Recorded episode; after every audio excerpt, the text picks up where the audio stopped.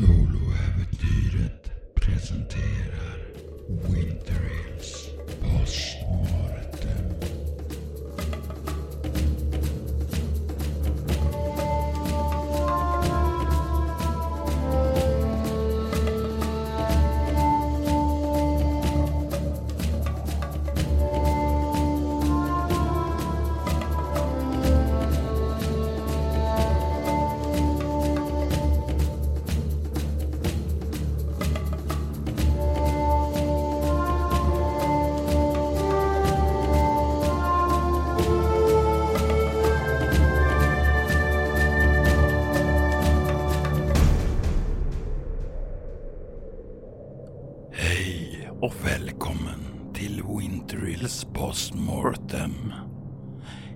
Eller så kan vi bara säga hej. Mitt namn är Robert Jonsson och med mig har jag min kära vapendragare Jörgen Niemi. Hej hej! En stycken julkalender med lite appendix på det. Eh, det har varit en lång resa, men vi tog oss i mål, Jörgen. Ja, och med tanke på att det är februari när vi spelar in det här så var det kanske kämpigare än vi trodde, eller? Det brukar ju alltid vara som så efter att eh, julkalendern har varit så brukar jag inte göra så mycket i eh, januari just för att man behöver lite tid att vila upp sig. Om vi kollar tillbaka till två år sedan eh, då jag släppte Bremsviks hemligheter så kom ju ja, alla sju postmortem avsnitt då un, ja, under sommaren nästan. Så jag tycker ändå att februari är en rätt bra deadline då att ta sig an. Ja, sen, sen har du ju gjort lite annat också, får du väl erkänna. Vi kanske pratar mer om det senare, men eh, det händer ju saker hela tiden med dig, Robert. Ja, i det dolda så händer det så alltid saker där. Men som du säger, vi tar det lite senare. Eh, jag tänkte jag skulle inleda med att eh, säga ett djupt tack till ett par personer. Eh, dig bland annat, men även till Johan Ström Helleberg och Kvarnberg Productions. För den här julkalendern, den här första säsongen av Winter Hills, så hade ju jag hjälp och stöttning på ett sätt som jag inte haft de tidigare åren. Och det har varit så väldigt, väldigt skönt. Det får mig lite att undra på hur du överlevde de tidigare åren, för det är inte så att du, har liksom suttit och inte gjort någonting. eh, jag får väl säga som så att under förra året så har jag min hälsa generellt varit sämre. Alltså det låter väldigt dramatiskt, men jag har haft eh, mer ryggproblem och sådant där. Och det har gjort att jag har kunnat sitta lite mindre och inte riktigt kunna göra så som jag vill. Vilket jag, jag, jag, är och har alltid varit en väldigt, väldigt envis eller ambitiös beroende på vem man frågar person. Och jag brukar inte ha något problem att sitta och kräma eh, för att få igång avsnitt. Eh, som sagt var, vi talade om Bremsviks hemligheter tidigare. Då kunde jag vissa eh, dagar där var som så att jag fick först skriva en manus till mig själv och dubba in mig själv där eftersom eh, min inspelning var kass. Jag fick spela in den, lägga in den sedan, eh, lyssna på den igen för att se. Okej, okay, det här behöver redigeras så jag fick dra i trådar och sedan eh, lyssna på den igen för att låta att det är bra och därefter publicera den. Och allt det här skedde på en dag. Och jämförelsevis mot det här, ja, då har det varit väldigt, väldigt lugnt för mig. Mycket tack vare att jag fått hjälp av er och det är stor tacksamhet för det. Ja, det har ju varit, eh, jag som är ny på det här i, i klippa poddsvängen har tyckt det varit väldigt spännande just att få lära sig och eh, få se hur man gör en sån här ganska komplex produktion med tanke på att eh, jag vill inte hänga ut det Robert, men du är ju inte en strukturfascist precis.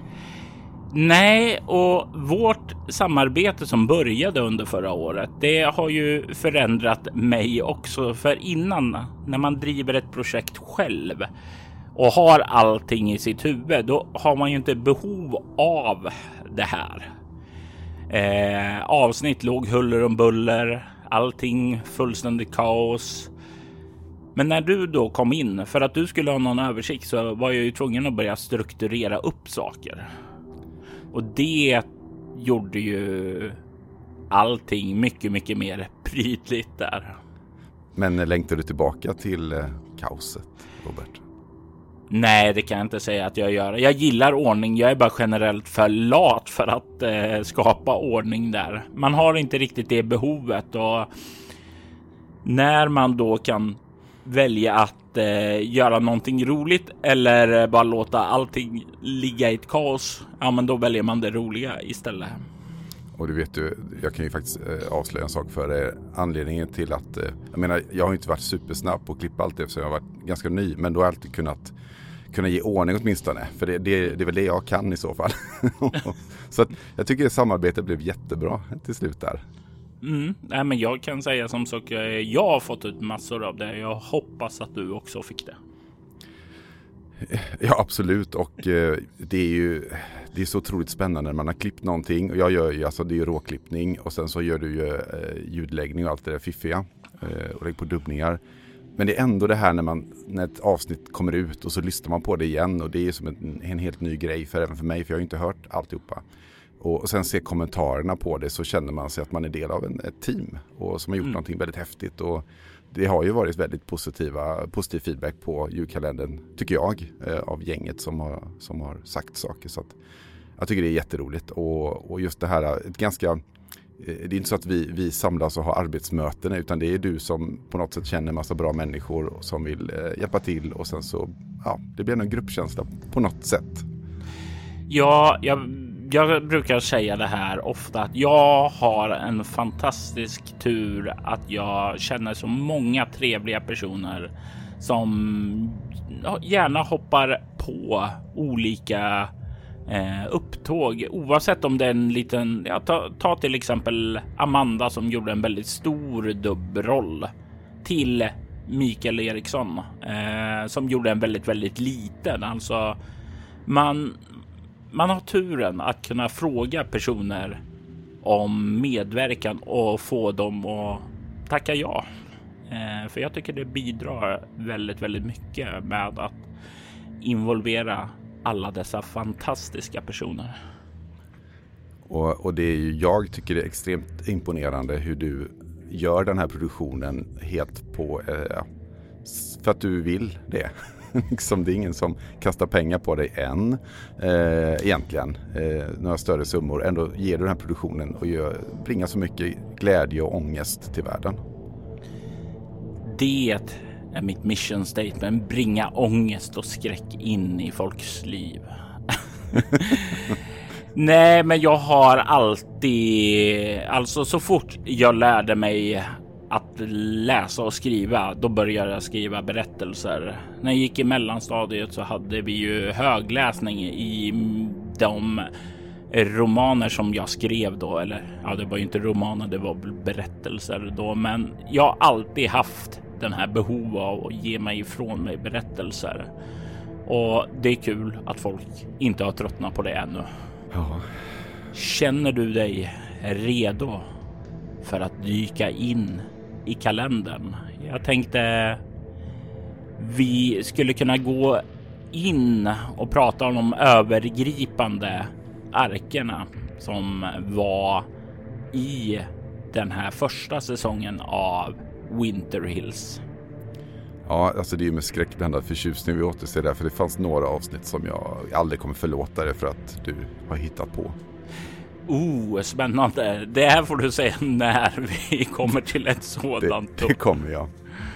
Eh, för det första så vill jag börja säga att den här första säsongen och jag säger första säsongen för det här är en berättelse som kommer vara mer än bara en. Det finns tre volymer som utspelar sig under tre tidsåldrar. 2002, 2012 och 2019 till merparten. Vi har haft lite andra eh, inglimtar i andra år. Alltså 2001 börjar tekniskt sett berättelsen eh, och vi får en liten titt till 1881 till 1882 i slutet av säsongen också då. Men de här tre volymerna är ja, just nu enligt min planering så ser det ut att faktiskt bli de tilltänkta 12 säsongerna som jag har i huvudet just nu. Oj, det, det är många, många timmar klipp där Robert. ja, och det är faktiskt många eh, avsnitt inspelade också. Vi är inne i fjärde sång, säsongen med inspelningar. Så och, det är... Eh, ja, förlåt, men hur, hur, hur eh, jag, jag tänker lyssnarnas vägnar, de, de längtar redan till nästa säsong. När kommer nästa säsong? Det är nästa års julkalender. Mm, och säsongen efter det? Det är eh, julkalendern år därefter. Så det, det, kommer alltså dröja 11 år innan vi får höra eh, upplösningen? Då. Mm. Inte nödvändigtvis. Så här till att börja med. Alltså nu höll jag på att strukturera upp. Jag har eh, massor med olika projekt inspelade eh, som jag behöver få ut innan jag kan sätta mer reguljärt. Vi håller på att spela in Skuggstaten och jag har nästan hela säsong två inspelad nu. Jag har fyra säsonger till av Noahs sista drag som ska ut. Jag har en serie som heter Portväktarna på typ 24 avsnitt eller någonting kring det inspelat. En säsong, den sista säsongen av Begravd också. Och det är bara de som är långa, eh, långa, långa kampanjer där som är på väg att nå, eh, ja, som är inspelade på en större skala då. Och sen har jag ju massa små kortare saker också på G. Så eh, det finns mycket att se fram emot helt enkelt ifrån Roberts värld. Ja, eh, och som sagt var, det, det kommer kanske efter de här, ja, efter säsong tre att rulla på lite annat än bara under julen då så att säga. Men just nu är det till säsong tre som jag har planer över publikationer. Ja, jag längtar redan till, eh, till att ta fram granen igen faktiskt. Ja, och eh, du kommer ju få din egen lilla julkänsla för du är ju med och hjälper till och klipper även nästa år. Ja, jag har ju faktiskt börjat faktiskt. Eh, för att jag insåg även när jag började klippa innan sommaren eh, när jag var ny så tog det längre tid än man trodde. Nu går det ju fortare. Så att ehm, ja, det gäller att börja i tid så kan man eh, göra misstag sen istället. Jajamensan. Men den här första säsongen hade ett tema och det är ju någonting som jag har lite i tanken till varje säsong att de har ett litet tema och det första var ju lämpligt nog Välkommen till Winter Hills. Och det här är ju säsongen där vi som lyssnare såväl som eh, de huvudkaraktärerna som finns med faktiskt är nya till Winter Hills. Det blir att vi får ta och bekanta oss med platsen eh, samtidigt som karaktärerna gör det. Och det var ju redan då jag började med allting att jag kände att okej, okay, det här är etableringssäsongen. Och det var ju det jag hade med mig in i planeringen då när jag satte igång och började spela in. Och det här var ju något som, ja, det rullade på. Allting blev klart. Eh, det var inte tänkt som julkalender från första början, men så slutade ju allting med ett fint julavsnitt i tvillingarna Changs eh, hem där. Och då kände jag bara, ja, men det här är perfekt för en julkalender och då fick det bli det. Men eh, det var ju det som jag gick in med eh, i åtanke när jag började skapa den här säsongen. Om man nu ska dyka ner här då, ska vi ta och eh, gå igenom eh, ark för ark? För det är även själva säsongen är uppdelad i olika kapitel kan man säga. Mm. Ehm, så ja, ska vi kasta oss rakt in helt enkelt? Det kan vi göra. Eh, kapitel 1 hette lämpligt nog prolog. Vad kommer Jörgen ihåg av det här avsnittet?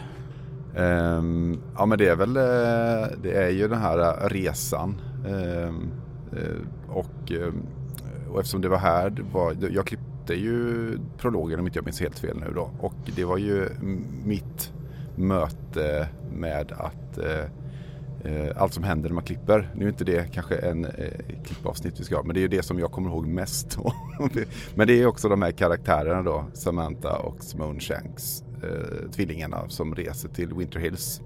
Mm. Och eh, även träffar två stycken karaktärer på och där den ena då, eh, och efter detta ett postmortem så kan man ju spoila hur mycket som helst då. Jajamensan. Om, Eh, ni, eh. inte- om ni börjar med ett postmortem avsnitt, eh, då får ni faktiskt eh, ursäkta oss. Vi kommer att spoila kalendern. Ja. Och, och det som är, det är Maria och Gustav Rutgård då som spelar eh, tvillingarna och det, jag, det jag tror jag kommer ha med mig mest är ju den härliga dynamiken. Dels mellan hur de spelar och dels hur du spelar med dem. För det är emellanåt eh, väldigt så personligt på ett sätt som gör att man, man får en känsla för tvillingarna, vad de är för några, vilket kommer vara viktigt senare när det sker vissa förändringar mellan dem kan man ju säga då. Och eh, det tycker jag var spännande, eh, verkligen. Och sedan eh, när de möter Mallory Eh, och Dahlia då, så Dahlia är ju, eh, har ju en, en stor ark senare. Men Mallory har ju inte, händer inte jättemycket nu, men det känns som att han skulle kunna bli en, en eh, viktigare karaktär. Och, eh, och nu fiskar jag ju efter information om senare säsonger, det märker du, så du kanske inte ens vill svara på om han kommer att vara viktigare senare. Jag kan säga som så här. Jag har en tumregel i Winter Hills. Alla som har fått röster har potential att bli någonting mer. Det, det här Winter Hills var någonting som jag började skriva och utvecklat på i början av ja, 2003, 2004 någon gång där. Och jag har spelat eh, den här, ja, volym 1, det som vi håller på att vara inne i nu, har jag spelat två gånger, två ganska omfattande kampanjer. Och eh, volym 2 har jag spelat en gång, även det är en ganska omfattande kampanj. Och under de här åren så har jag flashat ut väldigt mycket av olika personerna i mitt sinne då. Så alla har så här mörka hemligheter eller viktiga storyhooks som kan låsas upp beroende på vilka man petar på och vilken tidpunkt som de petar på.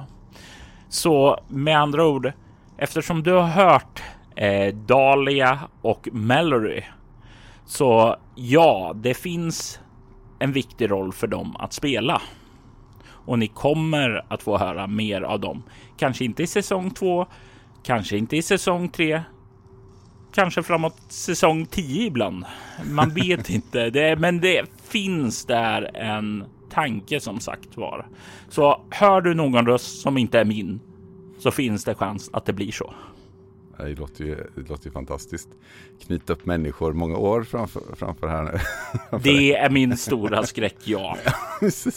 Eh, och om man då, det här med introduktion, Ehm, så tycker jag det funkar bra även, är det avsnitt två som den här drömsekvensen är i? Ja, det stämmer och den var det första som vi spelade in. Ehm, jag och Gustav hade nyligen spelat klart hela Noahs sista drag. Och när vi satt där och funderade på vad vi skulle eh, spela in härnäst så tänkte jag, ja Maria kan också vara med. Eh, vi, ja, alla vi tre spelade i samma spelgrupp här i Örebro då. Så vi känner ju andra rätt väl. Eh, och det eh, gjorde ju att det blir ju kul om vi alla kan spela tillsammans. Och de fick då vala att ja, ni har en person som heter Gilbert Shanks. Eh, hur är ni relaterade till henne? Ni forskar honom ska jag säga. Hur är ni relaterade till honom? Och sen fick de skapa det. Men eh, Gustav och jag var ju vana att solospela, så när de hade skapat sina karaktärer så visste jag att Gustav hade ett, eh, en vilja ifrån våra vanliga spelkampanjer att utforska drömmarna lite mer. Så det var där som jag började att plantera det här. Mm. Att han skulle få en försmak på det. Eh, och det var därför vi spelade in det först så han kunde ha det med sig till det andra. Och, och, det är inte bara han som får en försmak utan lyssnaren får något sätt. Jag tänker sig jag som är ganska ny får man väl säga ändå i bortomvärlden. Är ju, får ju liksom i den här prologen smaka på det här med ritualen som vi kanske kan prata mer om. Om den här drömmarna, om eh, det som man är med om i drömmarna. Ehm, och ehm, kanske mycket det unika i soläventyret att man har en till två spelare och hur viktig dynamiken är för att få det här att gå ihop. För det här är ju inte radioteater på det sättet att det är färdigt manus. Eh, Nej. Men du tangerar det ju väldigt nära med tanke på hur, hur väl spelarna spelar och hur mycket jobb som går in i, i dub, dubbandet. Då. Så jag tycker att mm. eh, prologen fick mig, och jag tror att om man är ny så är de nog inte dumt att man får nog känsla för vad som komma skall. Även om det är ganska ja, det var en jumpscare för mig när jag klippte avsnitt två där och du gjorde zombiegrejen. Det var inte snällt Robert. Jag såg ljudvågen komma liksom i, i där men jag visste inte vad som skulle hända förrän jag hörde det och det var, det var läskigt. Eh, vi har faktiskt en kommentar både om det här med eh, öknen och det här ljudet, jumpscaren som du säger där. Eh, Jerry Svanberg skrev i den här eh, julkalendertråden som fanns på eh, Facebookgruppen Vi lyssnar på rollspel. Så eh, had, skrev han så här.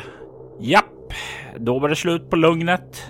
I alla fall en skaplig tempoväxling. Få lite syndaslukar vibbar här. Någon mer? Och han är ju inte fel ute. Alltså den här röda öknen har ju eh, de lyssnare som har lyssnat på syndaslukaren sett tidigare. Och det är ju en del av drömlandskapet som är en del av Bortoms mytologi. Det är inte samma plats det som där man var och sprang med den röda skogen och allt sånt där, utan det här är på ett helt annat ställe. Men det är i samma värld då, så det är därför det är samma vibb. Men kul så att du plockade upp det Jerry. Och eh, sen har man ju då när du gör eh, lite röster och så, vilket jag tycker du gör väldigt bra. Och vi har ju även, jag har ju läst andra kommentarer att de tycker att du kanske borde göra mindre dubb. Och det kan man väl tvista om då. Om, om Men jag tycker det är väldigt härligt för du har ju en förmåga att göra de här för jag har ju hört de här läskiga rösterna eh, när, du, när de är o... Eh, inga effekter på. Sen så lägger du ju på lite läsk, eh, läskiga effekter och så på det efteråt. Så det blir, effekten blir ju, tycker jag, eh, ännu värre sen då. Eh, men eh, det finns ju en fråga från Jens Petter Palmqvist här. Hur länge kan man andas in och rossla samtidigt? Jag är imponerad. Och det är ju det här avsnittet, det som Gustav inte ser eh, röra sig där han vaknar upp där i drömmen. Och det här är samma typ av varelse som kan höras i eh, äventyret Hinokosan som jag spelade för Vi spelar rollspel då. Och eh, det här ljudet är ja, jag börjar väl att träna på det någon gång eh, i när början av när jag var 20 år så ungefär för 20 år sedan bara jag började att göra den rösten. Så den har ju tränats rätt väl. Bara jag kommer in i den så brukar det inte vara några problem att hålla den. Och bara för att se om jag kommer in i den nu så kan vi testa här. Okej. Okay.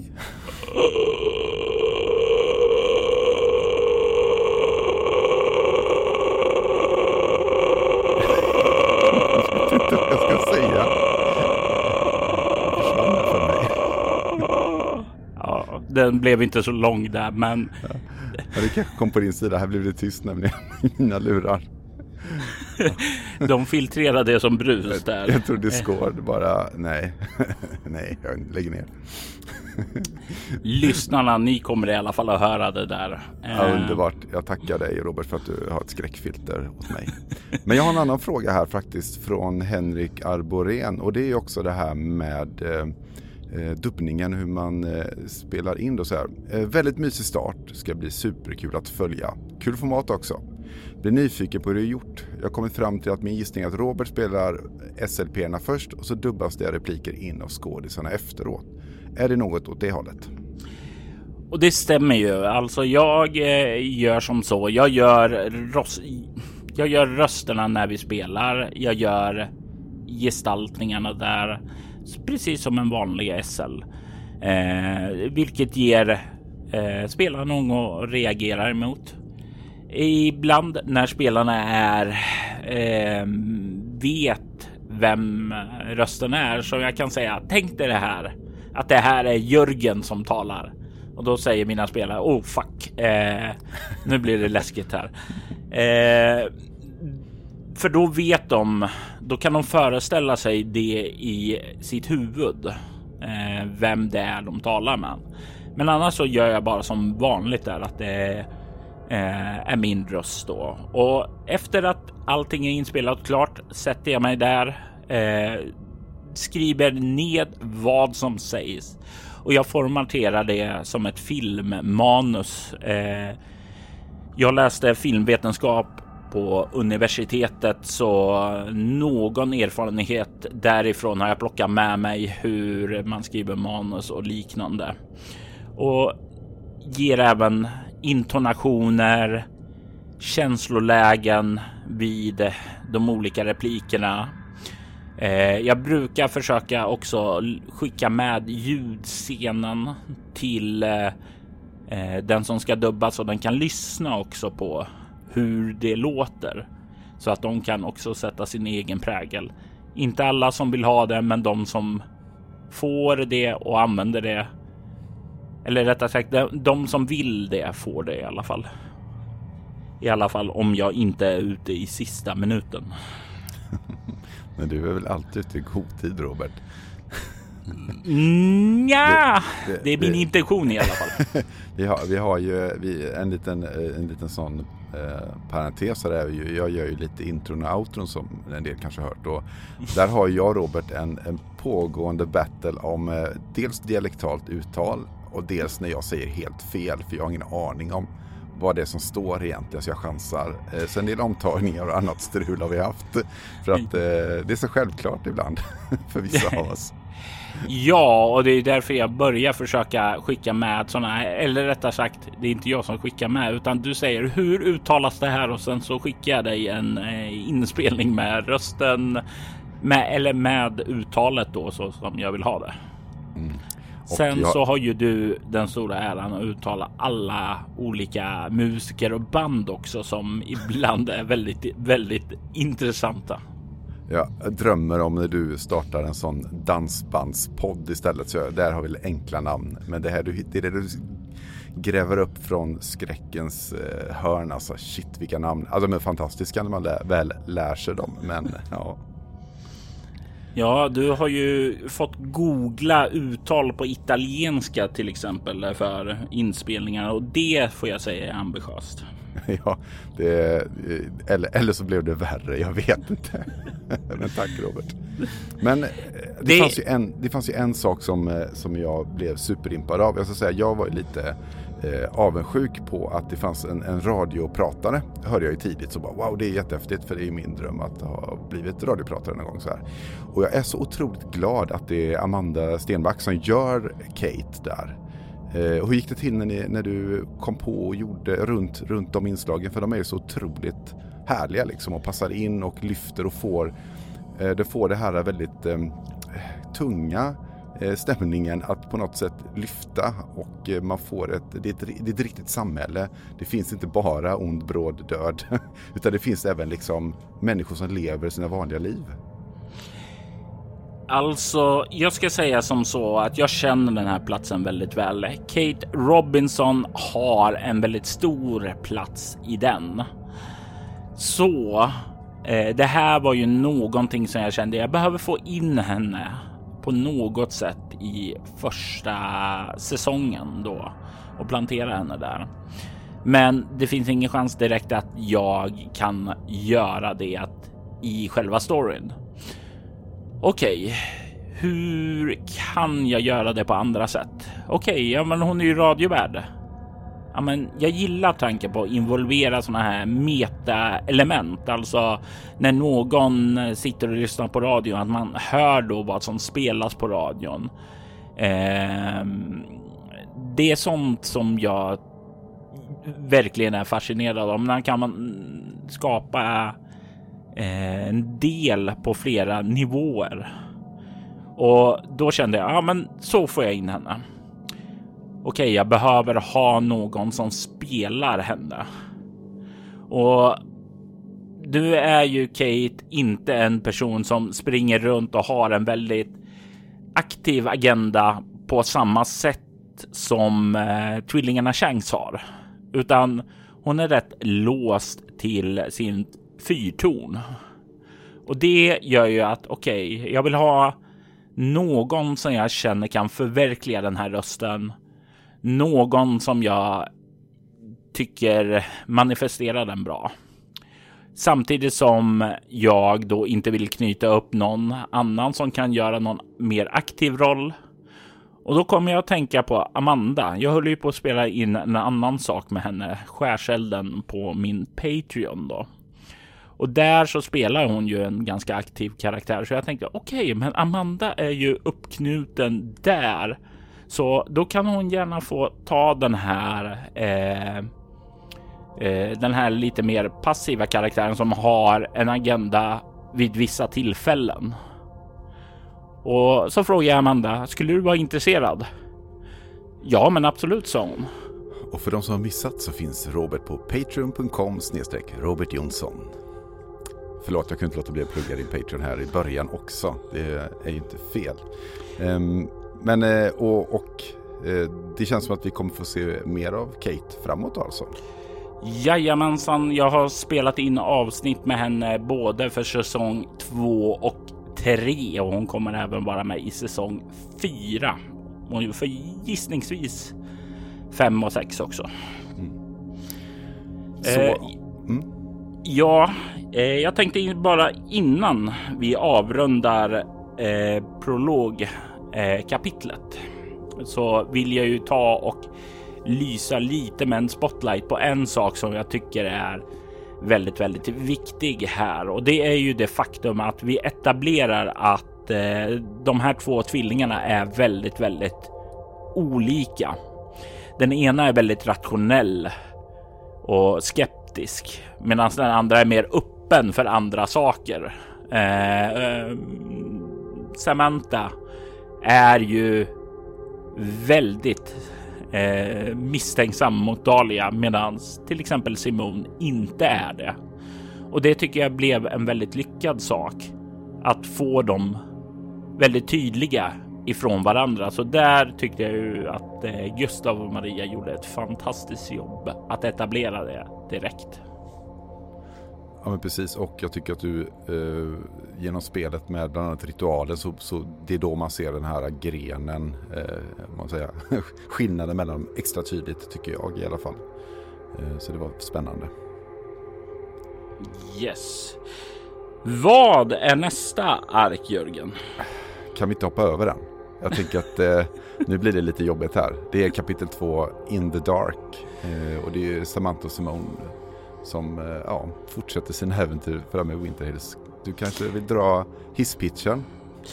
Ja, hisspitchen som jag har här är ju att tvillingarna anländer till eh, trakten nu. De möter folk och de utforskar Gilberts stuga innan de finner eh, en av de försvunna flickorna i trakten, Lucy.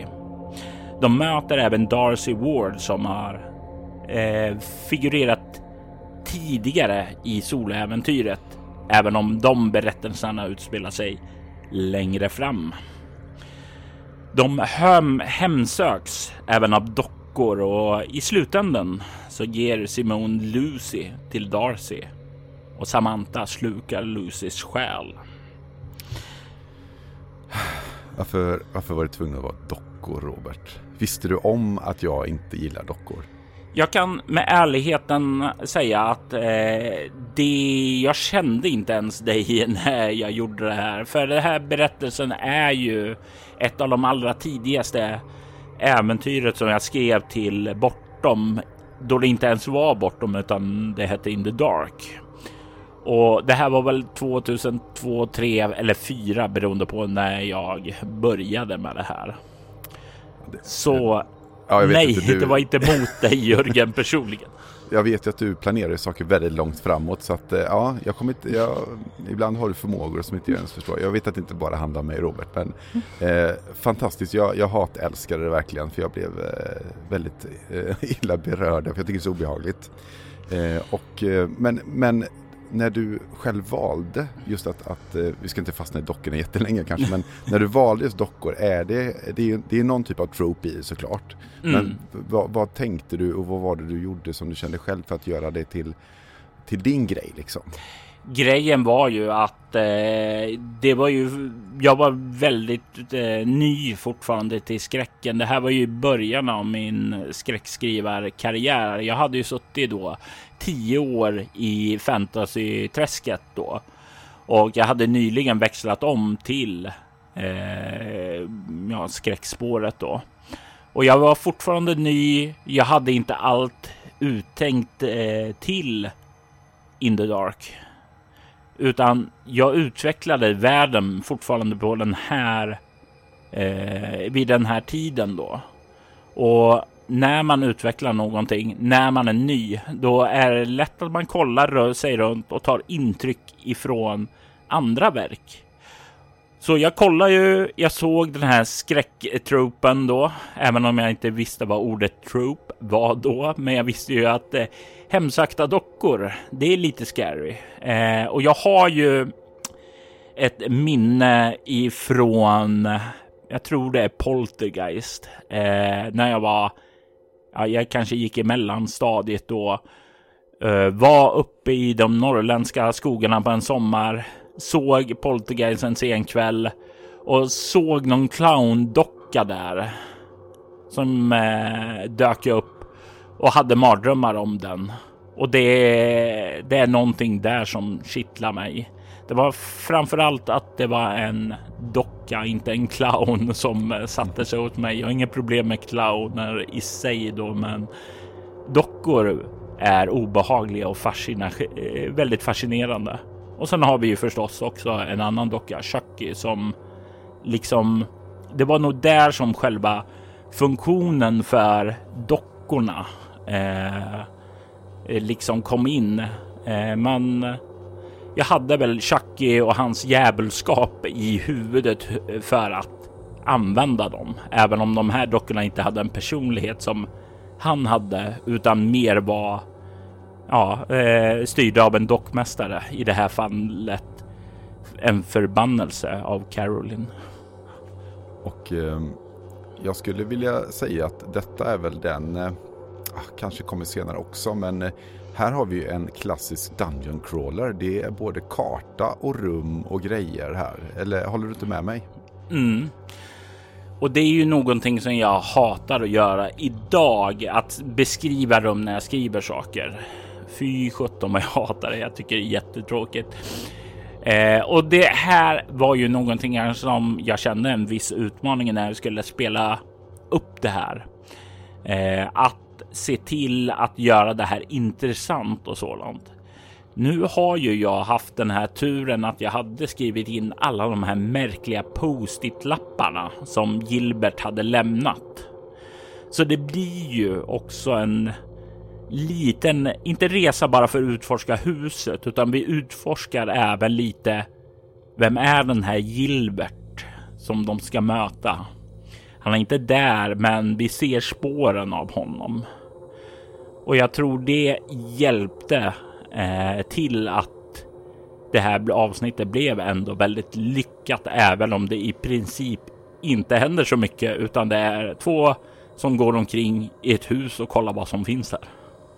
För det är ju en... Ehm, och jag tycker du, det här med kylan och, och ovädret utanför gör ju också att det blir en utsatthet. Att man kommer inte härifrån heller utan man är fast med den ondska, den eventuella ondskan som finns i, på platsen man är. Och det, det tycker jag ja, det blir starkt då. Så det var, så eh, tack och eh, dumma dig.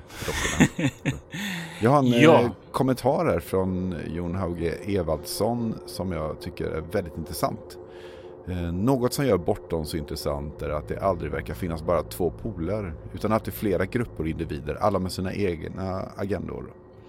Dessutom på helt olika nivåer. En del vill bara tjäna pengar, andra bryr sig om hela världens öde på olika vis. Alla är dock helt överens om att bästa sättet att göra detta är genom att kidnappa och plåga barn. så att, eh, det, det finns väl någonting i det här att det, det, är inte så, det är inte så enkelt alltid med ont och gott så som jag har upplevt.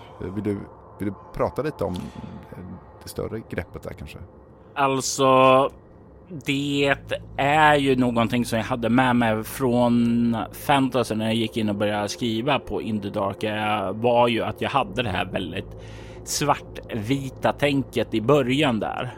Och jag kände att jag ville komma bort ifrån det, nyansera och sådant. Och det var inte någonting som var mission statement från början när jag började med In the Dark, utan det var framåt när jag började att förändra det här och göra det till bortom istället för In the Dark som jag ville börja nyansera det lite.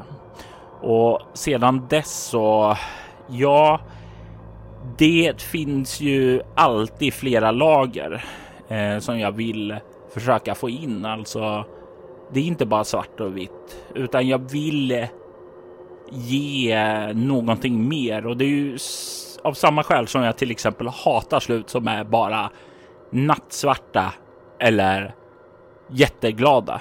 Jag vill ha någon form av mix där, alltså det kan vara ett nattsvart slut med en strimma av hopp eller eh, ett glatt, eh, eller väldigt glatt slut, men då med ett mörker som börjar krypa sig fram. Eh, just det här att det inte är ensidigt utan det finns någonting som skaver där. Det är någonting som jag vill få in och att göra saker grå och nyanserade är en del för att uppnå det. Jag tycker det är tråkigt när det blir antingen eller eller bara hundraprocentigt gott eller ont.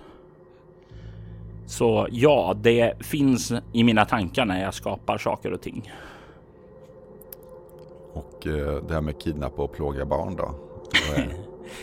Eh, barnen är vår framtid. Den som kontrollerar barnen kontrollerar vår framtid. Nej, men det är väl en... Det är ju också en eh, trope i sig, eh, the gifted child. Alltså, Eh, jag använder mig av Trooper oftare förr får jag väl säga än nu. Men när man då använder gammalt material så finns det ju där. Och eh, vi har ju dels eh, Darcy som inte är ett barn men är i ett barns kropp.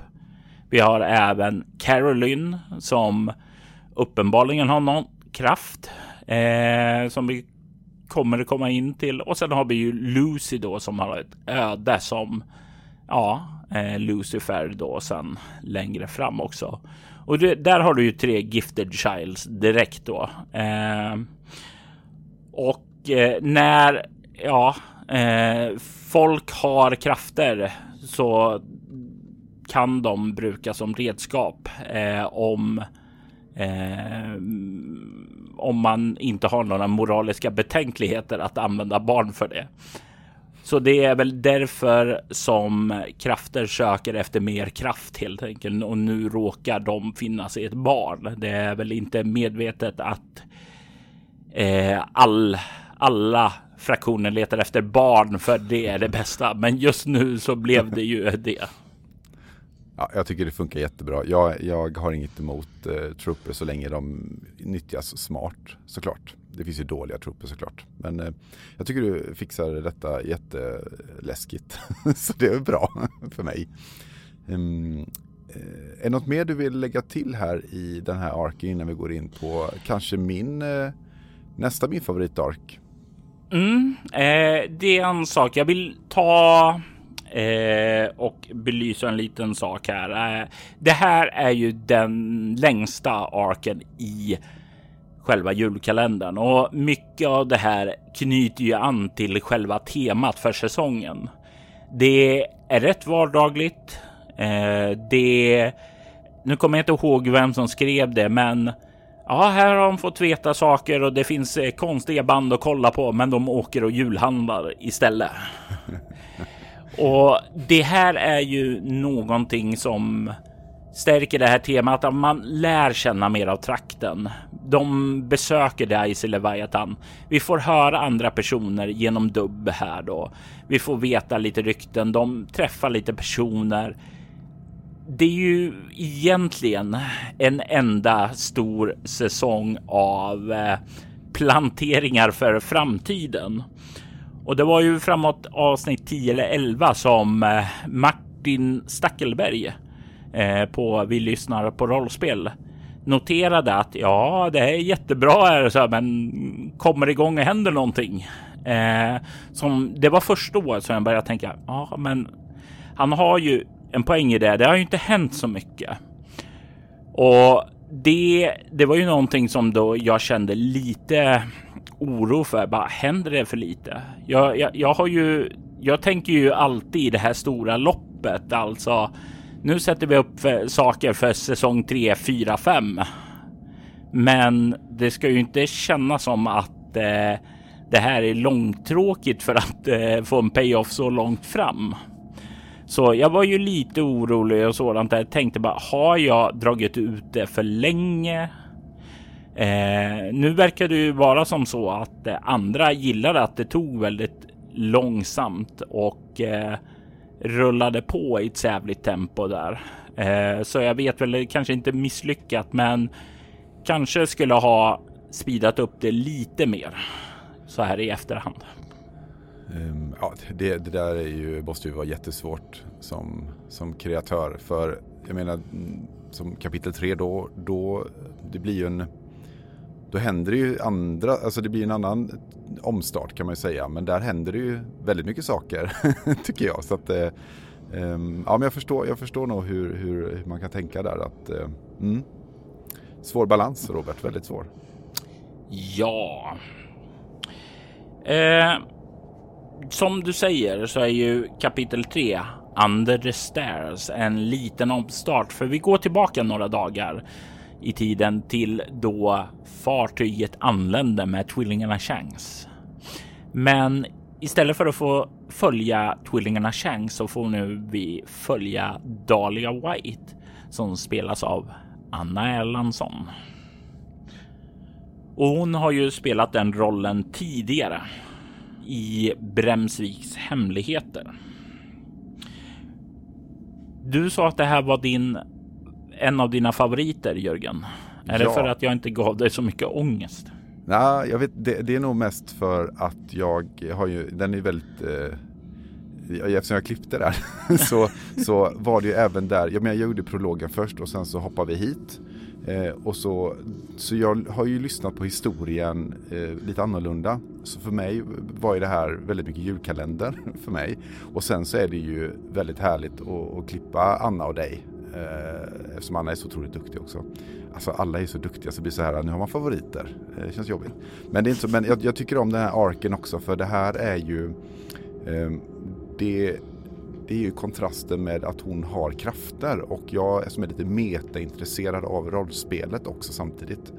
Ehm, mm. Jag kan ju inte så mycket om Bortom, eh, kanske man kan tro att jag kan, men eh, att just få höra hur man, hur man använder de här magiska krafterna och riskerna med det. Vi har ju en fråga, det här med korruptionspoäng, som Jon Hauge Evaldsson eh, frågade. Vi kan ju ta den direkt kanske då. Mm. Eh, han frågar vad innebär korruptionspoängen och det är, det är ett mått där som eh, jag har för själva besvärjandet, alltså att eh, använda krafter har ett pris. Och eh, alla de olika ja, resorna man kan göra i bortom. Jag brukar kalla resor för de typer av krafter man har. Det kan vara esoteriker, det vill säga besvärjare som Dahlia är. Ja, de har eh, en utveckling inbyggda i sig och för esoteriker så är det knutet till korruptionspoängen. Varje gång du använder en besvärjelse så får du dem. Ju bättre du lyckas, desto mindre får du. Och eh, när du får tillräckligt mycket i korruptionspoäng så går du vidare i fasen av att vara en besvärjelse, vilket jag eh, symboliserar med en liknelse till ja, eh, kärleken. Du har den första förälskelsen då allting är bra. Då eh, du eh, sprids, sp då det spritter av känslor och allting är så positivt. Sen har du eh, giftermålet, sen har du grälet, sen har du skilsmässan och sen har du döden. Eh, väldigt positiv syn på kärlek överlag där då. eh, men eh, det är esoterikerns resa alltså. Du har i början när du får korruptionspoängen så blir du starkare. Du blir får mer krafter. Du växer i styrka, men efter ett tag så vissnar det här och blir till en nackdel, så det är en liten balansgång där. Men varje gång du brukar eh, besvärjelser och sådant så får du de här korruptionspengarna då. Precis och, och det jag tycker det var väldigt spännande att liksom få, man, man botar liksom om, man följer henne, eh, hon får reda på att den hon kom hit för att träffa är död. Eh, men hon får bo hos änkan och det är ju väldigt sån trevlig relationsbyggande tycker jag. Som Dahlia är ju en ren person, de säger hon luktar inte illa. Mm. Eh, och sen då så kommer det här med eh, Leopolds spöke och hur, hur det fungerar med spöken. Man, liksom, man, man får lära sig lite grann hur, hur ja, jag tycker det, det finns en, en, en, del i låren här som jag tyckte var väldigt spännande att få lära mig samtidigt. Då. Och sen mm. det här med urkrafterna då, eh, att, att de dyker upp så här pass tydligt. Eh, då. Och eftersom jag då hörde detta innan jag hörde det andra så är det ju lite sammelsurium för mig. Men är det här urkraften på riktigt kommer på tal först? I, det har väl dykt upp på lapp apparna ifrån ja, Gilbert då. Eh, så det, de har nämnts lite där tidigare, men det här är första gången som de verkligen kliver upp på scenen och den första volymen så, i Winterhill-sagan, den är ju, den heter ju Urkrafterna. Så det här är ju etableringen av det hotet som pryder volym 1 och som vi kommer bekanta oss mer under de eh, fem, sex första säsongerna. Och sen så fortsätter de här olika, det blir lite detektivarbete här att lista ut vart hon ska någonstans. Jag tycker det var väldigt spännande. Eh, um... Det är ju intressant att du säger det spännande, för det, det, är ju ofta när man går runt och pratar med folk här. Jag hade ju en liten fara att bara hur går det här med tvillingarna Changs eh, pratande med folk? Blir det för mycket pratande? Eh, säger de samma saker? Alltså det var lite oro där för mig då när jag satt och tänkte det. Men du upplevde inte det så? Nej, eh, jag, tyck, jag, tyckte inte det och eh, man belönas ju med en, eh, en eh, väldigt spännande slut ska man kalla det för strid eller konflikt. och, och, och, just de här karaktärerna som de möter och eh, jag vet inte, jag tycker att det eh, det var spännande. Det är ju någonting som alltid är eh, svårt tycker jag. Strider, för det är ju en slutstrid här ehm, i det här lönnrummet under biblioteket då. Där eh, tar sig till slut. Ehm, och få dem intressanta tycker jag. Men eh, det hjälper när man kan klippa och lägga på dramatisk musik i bakgrunden där. Men eh, skulle du kunna berätta lite grann om de olika, jag menar vi hade de här fiskgubbarna som mm. för mig då eh, kändes väldigt Lovecraftiska, vilket jag uppskattar. Eh, sen har vi då själva den här eh, Golem-figuren såklart då. Och sen även eh, Sjöhäxan. Vill du elaborera lite runt de här? Jag kan elaborera lite. De här sjömännen som är Lovecraftianska, de heter Paises eh, och eh, det var ursprungligen eh, en eh, person i min gamla spelgrupp som hette Daniel Renfana som eh, skapade en värld tillsammans med mig som hette Vast eh, till In the Dark då. Och vi spelade en lång kampanj där och de här varelserna då eh, föll mig i smaken så vi exporterade dem även hit eh, till Gaia då. Så här får vi se deras samhälle, eller rättare sagt, vi får inte se mycket av deras samhälle, men deras samhälle finns här och de leds av sjöhäxan. Vi kommer få veta mer om sjöhäxan, vem hon är och hur hon skapades längre fram eh, i själva Winter Hills då, men hon leder dem just nu, så de tjänar under henne. Båda de här har en gudom de tror på som heter Ryldsha. Som också, eh, jag vet inte om det här den omnämns nu eller om de kommer omnämnas senare, men han står över dem. Man kan säga att det är en av krafterna här i trakten. Urkrafterna är en annan. Och eh, den var ju den som den här golemen eh, tjänade under. Eh, den har också några marionetter i trakten varav eh, Leopolds spöke var bunden dit. Det är den andra kraften. Och sedan så har vi egentligen två krafter till. Vi har en som heter Kynotoglis som kommer att eh, ja, vi kommer tala lite längre fram här då. Men eh, den är också en av dem. Och sen har vi någonting som ja, omnämns eh, lite i förbifarten som DRP. Och jag tänker ni inte uttala vad det står för. För som det förklaras i själva berättelsen så nämns det en gång i, jag tror det är Dalias avsnittsark och en gång i ett av Patreon avsnitten. Men det är ett, eh, ett hot som växer sig starkare varje gång det nämns. Mm. Och för att respektera Winterhills i sig så tänker inte jag säga någonting och göra livet mer hårt för dem. Vad det jobbigt det är. Så att, eh, och jag tycker att eh, och hela, hela den här, eh, jag tycker den håller ihop väldigt bra hela den här arken och kändes som, som ett, ja den står på egna ben på något sätt tycker jag och det blev spännande. Så jag, jag, därför tyckte jag den var väldigt, väldigt bra helt enkelt. Mm. Eh, och det är ju, vad heter det, tanken också att det ska kunna stå på egna ben. Det här är ju hennes berättelse och eh, det, eh, det måste ju då stå för henne att det ska hänga ihop. Att det, det här är ju hennes egen eh, kapitel då, så den ska vara lite fristående.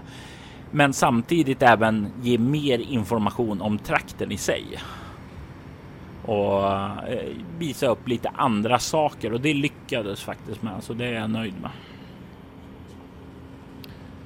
Är det något annat som du tänker på kapitel 3 som du skulle vilja lägga till innan vi går vidare? Nej, jag säger att vi kan röra oss vidare. Precis som eh, paret Rutgård så tycker jag att Anna gjorde en fantastisk eh, roll som Dahlia. Det är inte första gången hon gör den men hon har nu gjort misstag att säga att hon är investerad i Dahlia och eh, du kan ju säkert höra att jag skrattar i mitt huvud av lycka över det. ja, stackars Anna. Um, ja, eh, kapitel 4 då, Superstition. Eh, och då är ju Samantha som tillbaka här. Mm. Och vi får ju även eh, se lite av Dahlia där också. Ja. För som jag sa så slukade ju eh, Samantha Lucys själ. Och eh, när man slukar själar så är det generellt inte bra. För den mänskliga kroppen är inte byggd för det. Och det börjar påverka henne. Så tvillingarna söker hjälp hos Dahlia som exorcerar själen ifrån Samantha. Och därefter så återbördar eh, Simone Lucys själ till Darcy. Så hon kan ta den till den rättmätiga ägaren. Och sen slutar det med att alla firar jul. Ja, fint. och, eh, och det var... Um, det här blir ju någon typ av, av ehm, um, man kan säga crescendo då, för det går ju ihop uh, arkarna kan man säga. Hur, var, det, var det det som var målet uh, med Superstition? Att få ihop detta och få liksom en, ett litet um, säsongsslut? Vid det här, jag önskar att jag kunde säga japp, det var exakt min plan. Men som jag redan har sagt i det här avsnittet så slutade det här och jag insåg att men vänta, det här är ju nästan 24 avsnitt. Det här kan bli en julkalender och slutar med jul. Det ska ju självklart vara nästa års julkalender. Eller oh, nästa års då. Uh, och när jag då väl hade slagit det så blev det ju så här. Okej, okay. Eh, jag hade inte spelat in allting med Anna ännu, så det var ju målet där att synka ihop det på något sätt och det var väl det sista som jag gjorde. Så antalet avsnitt Anna fick gjorde ju, det bestämdes utifrån hur mycket alla andra hade spelat. Mm. Och det är någonstans här man ser att det här med produktion och eh, skapande, det, det, det, är kompromisser någonstans. Eh, och man gör begränsningar ibland för att få det att, att bli bra och när produktionen väl är färdig sen så tänker man nog inte så mycket på det. Eller de som lyssnar i alla fall tänker mm. inte på det. Men det är väl oftast så här det blir. Det är väl inget eh, konstigt egentligen. Nej, och eh, det är ju också någonting som är, kan vara bra. Alltså begränsningar är ju inte enbart av ondo. Ibland kan en begränsning göra att saker ja, det snappar upp. Jag kände ju inte under Annas eh, ark att eh, oj, det här kanske går för sakta. Det var inga tankar om pacing där som jag till exempel hade med In the Dark. Eh, för där var det ju bara, äh, men det här går på i sin egen takt. Jag behöver inte tänka någonting om det. Eller rätt sagt, jag tänkte inte någonting på det utan jag spelade med Maria och Gustav bara eh, i det helt i deras eget tempo. Jag styrde inte alls där vad de skulle göra. Här hade jag ett klart tydligare mål mot vad vi skulle. Jag, ty jag tycker eh, en, en tanke blir rätt intressant. Även om du får feedback nu på hur, eh, hur man skulle kunna göra framåt så är det väl säsong fem då som du kan göra någonting åt det egentligen. Säsong fyra. Fyra, okej, okay, fyra. ja. Um... Men jag tror ju också att eh, även om en del av kapitlen kanske är lite långa på de kommande säsongerna så är det mer. Det händer lite mer på eh, en del av det eftersom vi skiftar perspektiv det. Så jag tror inte det är lika jobbigt där. Eller så är det bara jag som inbillar mig det och jag sitter och eh, sliter mitt huvud eh, nu i år när jag ska klippa säsong två. Vad heter det? Dubba in fler roller helt enkelt Robert och mer musik och mer action. Ehm, yes. Jag har en fråga här från Martin Stackelberg till Gustav Rutgård. Mm. Eh, och det har ju att göra med den här eh, lilla besattheten, eller inte besattheten, eller är det en besatthet man har fått en till själ i sig? Det är en besatthet. Ja. Det stämmer alldeles utmärkt. Ja. Eh, frågan lyder, hur svårt är det att säga vi oss istället för jag mig så genomgående? Fick ni ta meningar för att ni råkade missa det vid tillfälle, eller hur gick det till? Vi känner att vi skulle dabba oss typ direkt om vi försökte oss på något liknande och Gustav svarar ju Martin, men jag tänkte att det här är ändå en eh, spännande fråga så jag tänkte att vi tar upp den här också. Gustav skrev då. Det gick ganska bra, men vi hjälptes åt alla tre att eh, säga till när jag sa fel för att eh, ta om repliken direkt vid bordet. Tror den som klippt kan komma med domen och det är ju jag då. Eh, jag eh, ska säga att jag var förvånad över hur lite problem det ställde till. Alltså, det var flera ställen där eh, det dök upp att han kom på sig själv.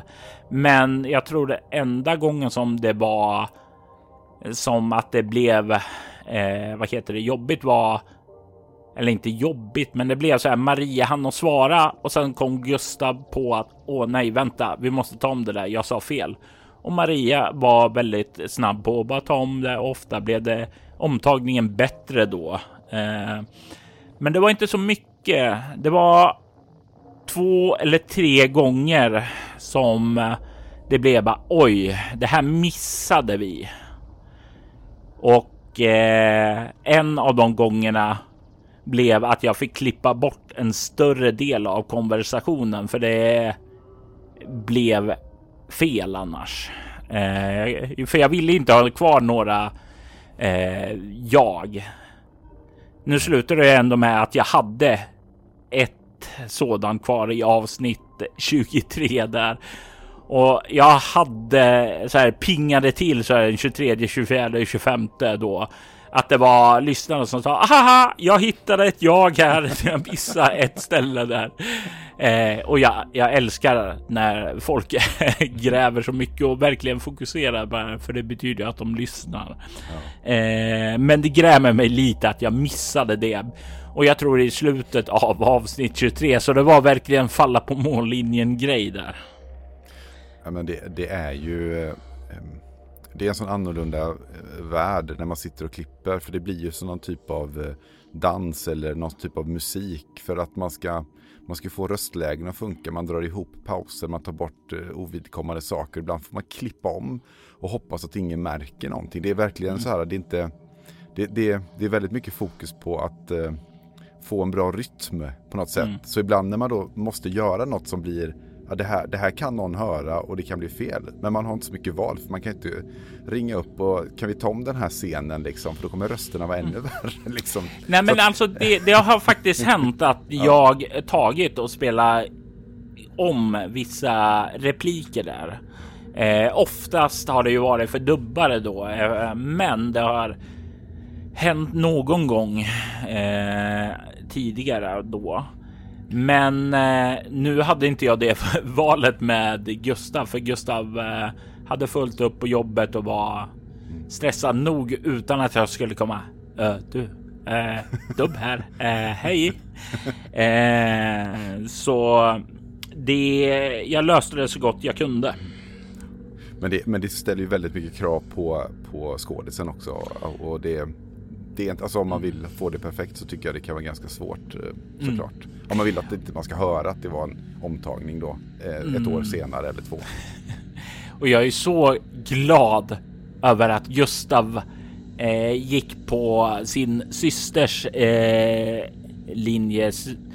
Jag är så glad att Samantha gick på sin systers linje att eh, låta sig bli exorcerad för det hade varit väldigt, väldigt jobbigt om jag skulle ha med det här i resten av säsongerna också. Ja. ja. Ja, för du har inte alltid kontroll över vad spelarna gör, även om man kanske tror det. Det här är ju någonting som jag tycker är jätteviktigt och särskilt som sagt var här i Winter Hills. Att jag försöker inte styra dem särskilt mycket utan de får göra vad som vill eh, eller vad de vill. Den som kanske är lite mer styrd än de andra är ju Kate då som Amanda spelar eftersom den är låst till en plats då. Eh, så den har begränsad möjlighet att agera där. Men av eh, de som spelar eh, vanliga karaktärer de har haft rätt mycket frihet att påverka saker och ting i den riktning som de vill. Och det, ehm, det är, eh, jag som har varit med och spelat in lite med det, att det är genomgående att eh, eh, som, som rollspelare kommer man in och tänker oj det här känns ju som, som en, en låda. Men sen så ser man att lådan är inte så liten som man tror. så att, jag tycker det är väldigt mm. kul faktiskt. Man får öva på att vara skådis och rollspelare samtidigt. Mm. Och jag, jag försöker ju alltid få, oavsett vilken väg de tar, så försöker jag få det att hålla ihop narrativ så att när du lyssnar så ska du ju känna att ja, men det här var det rätta slutet. Alltså det här känns logiskt. Alltså det här känns inte som du drog det ur arslet just nu. Även om det ibland kanske är exakt det som jag gjort för spelarna har chockerat mig med något val där. Eh, men som produktion i slutändan så vill man ju att det ska kännas rätt, alltså att det ska kännas naturligt. Och jag vill, och jag vill väl tro att jag har en hyfsad god förmåga att göra det. Ja, det, jag tycker det, men jag kanske är jävig också och har blivit hjärntvättad av dig, vem vet? Um... Eh, varför inte alla tre? ja, precis. Jag tackar Robert, som det står här i manus då. Eh, vi, eh, vi har ju då på något sätt eh, nästan avslutat. Det har blivit jul och allt är fint. Men då, då och det, jag måste säga, det var lite sån här, jag trodde att det var typ 24 avsnitt och sen så visade du att nej, men det var fler. Och det var, tyckte jag var spännande. Eh, nu behövde jag inte klippa alla fler då, för jag hann ju inte det. Men Calling, eh, den, alltså avsnitt 24 i alla fall där. Mm. Eh, där klippte jag ju faktiskt. Eh, och där var det ju en, en helt ny, alltså en, en annan eh, det jag gillade med den var att det var något helt annat men ändå höll det ihop. Mm. Vill du berätta lite? Uh, då är det Giblet Shanks då spelad av Per Arneskans som är ute vid uh, bosättningarna. Apropå det här med att uttala namn felaktigt då som du gjorde. Jajamensan. uh, Aneskans sa nog första gången va? Mm, jag. Och jag tror det finns eh, kvar i eh, det första avsnittet för Per hörde ju det och jag hade inte reflekterat över det troligtvis för jag var så eh, ja, fullt inbokad i någonting annat och redigera och klippa där så jag bara mer eller mindre la in det för jag är så van att eh, allting blir bra och rätt när du gör det. Jag kanske borde lyssna mer på vad du säger egentligen. Nej, nej, nej, nej. jag ber om eh. ursäkt Per och det, det kan vara bra att veta. Det är inte så att den här uh, intro och outrot spelades in typ i november utan det var ju ganska tätt inpå. Ja, ambitionen är alltid att du ska få det långt innan. Jag tror aldrig jag lyckats med det. Um, men Eh, I alla fall. Eh, per är ju en som jag spelar lite rollspel med här eh, i eh, Örebro där jag bor. Och eh, han gjorde en liten dubbroll till eh, Bremsviks hemligheter.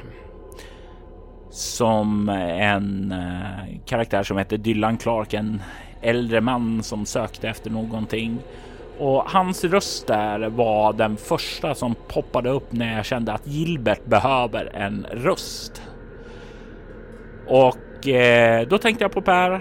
Frågade om han var intresserad av dubbad och han sa absolut, det är inga problem. Vi fixar det. Och sedan så bestämde jag en dag han skulle komma över och spela in det och jag började känna att hmm. Vore det inte rätt coolt om vi fick se vem den här Gilbert som är eftersom tvillingarna inte kommer att få träffa honom. Och eh, då börjar jag fundera på vad kan man göra med det? Jo, vi gör en liten flashback till veckorna innan eh, de kom hit och visar lite på hans äventyr då och vad som pushar honom över till urkrafternas sida. Och det är ju vad hela avsnittet handlar om egentligen. Hur han blir korrumperad från en person med det välmenande, om en kanske inte helt moraliskt godhjärtat eh, metod för att nå dit. Men han hade goda ambitioner som nu solkas av urkrafterna. Ja men precis och eh, det, det blev liksom en väldigt bra eh, ja, när vi kommer att prata vidare sen, mm. eh, en, en påa till det som hände ännu längre tillbaka sen då. Så. Men hur, hur Och det, det vill jag bara säga att det här är ju fullt medvetet. Eh, jag hade ju redan spelat in avsnitten med Johan Ström Helleberg som utspelar sig 1881 och 1882 då. Så jag ville ju också plantera ett frö inför det. Samtidigt som jag också använde det här avsnittet för att plantera en frö till eh, en, eh, ett kapitel i säsong två där vi kommer få följa borgmästare Storm. Eh, så det, det, här är ju en, ett exempel på där jag sätter upp någonting för framtiden också. Precis. Är det något annat du tänker på uh, calling som du skulle vilja lägga till? Eh, jag, jag tänker mig att eh, inte specifikt om calling, men nu har vi sagt det här eh, ett par saker eh, för varje kapitel så har du säkert lagt märke till att eh, de har namn på engelska. Vet du varför? Nej. Alla kapitel har fått ett namn efter en låt från ett band som heter The Birthday Massacre. Tänk dig att det är lite så här elektrosynt eh, dark gothic band typ. Ehm, det, det är ett band som influerat mig väldigt mycket i eh, skaparna av både Winter Hills och karaktären Caroline Saroyan. Och här ser vi ett återkommande tema. Caroline Saroyan var en gammal rollperson för mig i, till ett helt annat rollspel, nämligen World of Darkness. Eh, jag spelade den med, eh, ja, det var den här Daniel Renfana som skapade Pisces tidigare som spelade en kampanj där jag spelade henne.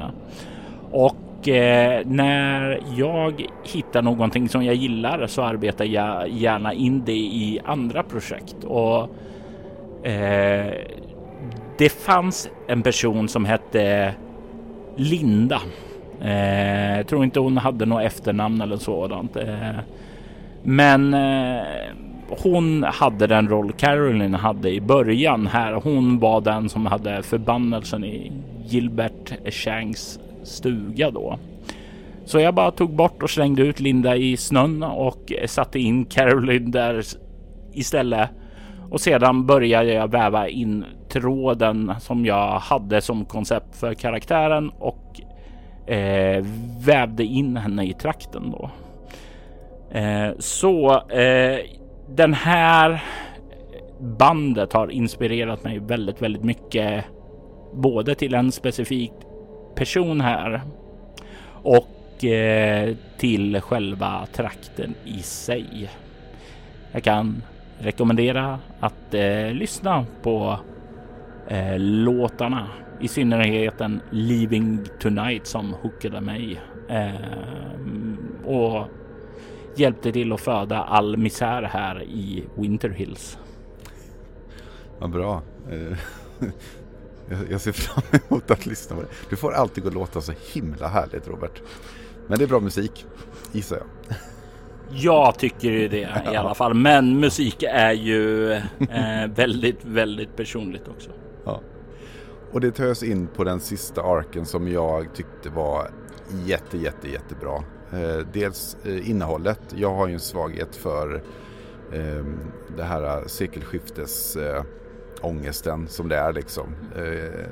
Och, och, allt som egentligen händer där. Där, det, där det är liksom, allting är så uppskruvat. Vi har korkade män som ska ut och se världen. Vi har liksom, ja det är väl en stor del av det i och för sig. Men jag tycker att den, den, var så spännande, sorglig och härlig. Eh, och vi har ju väldigt fina frågor kring det också då. Men det är mm. ju kapitel 6, Nothing and Nowhere. Eh, där Johan Ström Helleberg spelar då Efraim Martin. Ehm, mm. Vill du berätta lite om vad, dels vad den handlar om och dels eh, hur du tänkte. Du sa att ni hade redan spelat in den när du, innan du spelade in avsnitt 24 i alla fall då. Ja, det stämmer. Det började innan ehm, med Session Zero och eh, första avsnittet och innan Corona kom och gjorde att eh, vi inte kunde träffas och spela längre. Och eh, vi fick spela in allting över nätet, vilket inte var min plan från första början. Men nu fick det bli så. Eh, tanken som jag hade var ju att knyta an till temat Välkommen till Winter Hills. Här får vi se de första nybyggarna i trakten, hur de kommer till trakten, hur de fem familjerna eh, skickar ut en expedition för att finna en bostadsplats när de behöver fly ifrån New York.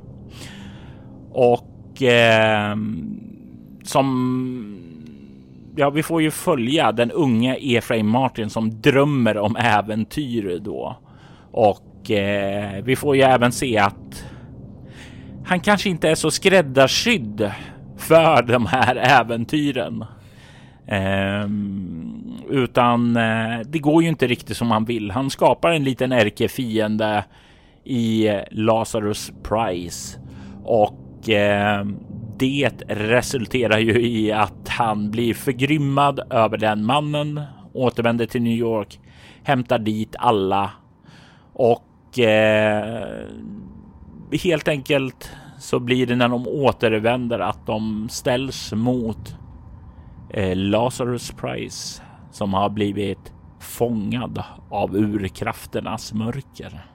Och det blir en konfrontation där han där Efraim förlorar en person som betyder mycket för honom. Och eh, Vi kan ju läsa Jon Hauge Evaldssons kommentar som just belyser det här tycker jag så himla bra. Han skriver så här. Så himla fint och så ändligt sorgligt. Jag älskar Efraim Martin. En så fin och lite skör person. Inget våldskapital, inga vildmarksskills. En överklasskille i Alaska. Han är som vi. Hans starkaste sida är att han är bra på att packa lådor. Allt som pågår under ytan, bildligt och bokstavligt går han förbi. Det vill säga, hans far har inte berättat ett skit för honom. Och vad hände med hans mor? Det forskar han inte ett dugg i. Det finaste var relationen till Dr. Scott. Den fick växa fram så trevande. Och eh, ja, du kan ju ta eh, Joens svar här också på, på den kommentaren. Ja, för det här är ju också en kommentar som är hämtad från vi lyssnar på rollspel. Och då svarade Johan så här. Efraim var verkligen jättekul att spela. En man tyngd av sin sociala status och inlärda värderingar med klassism och en tveksam syn på sådant som skiljer sig på hans norm. Samtidigt passade han själv egentligen inte in i samhället om han var sann mot sig själv. En av de saker jag diskuterade med Robert innan var att jag ville spela en karaktär som verkligen var av sin tid med allt otrevligt det innebär. Som skulle ha en kamp mellan att följa de hårda normerna eller slå sig fri och bli en bättre människa och sann mot sig själv. Tyvärr för Efraim insåg han allt för sent vilket val han skulle gjort. Förhoppningsvis får vi se framöver hur detta påverkar honom. Angående hans mor var det faktiskt en lös tråd jag först kom att tänka på senare. Det hände så mycket att tid inte riktigt fanns. Men jag antar att Efraim och hans far talade om det på den långa båtresan. Och jag kan säga till dig Johan att det gjorde han inte.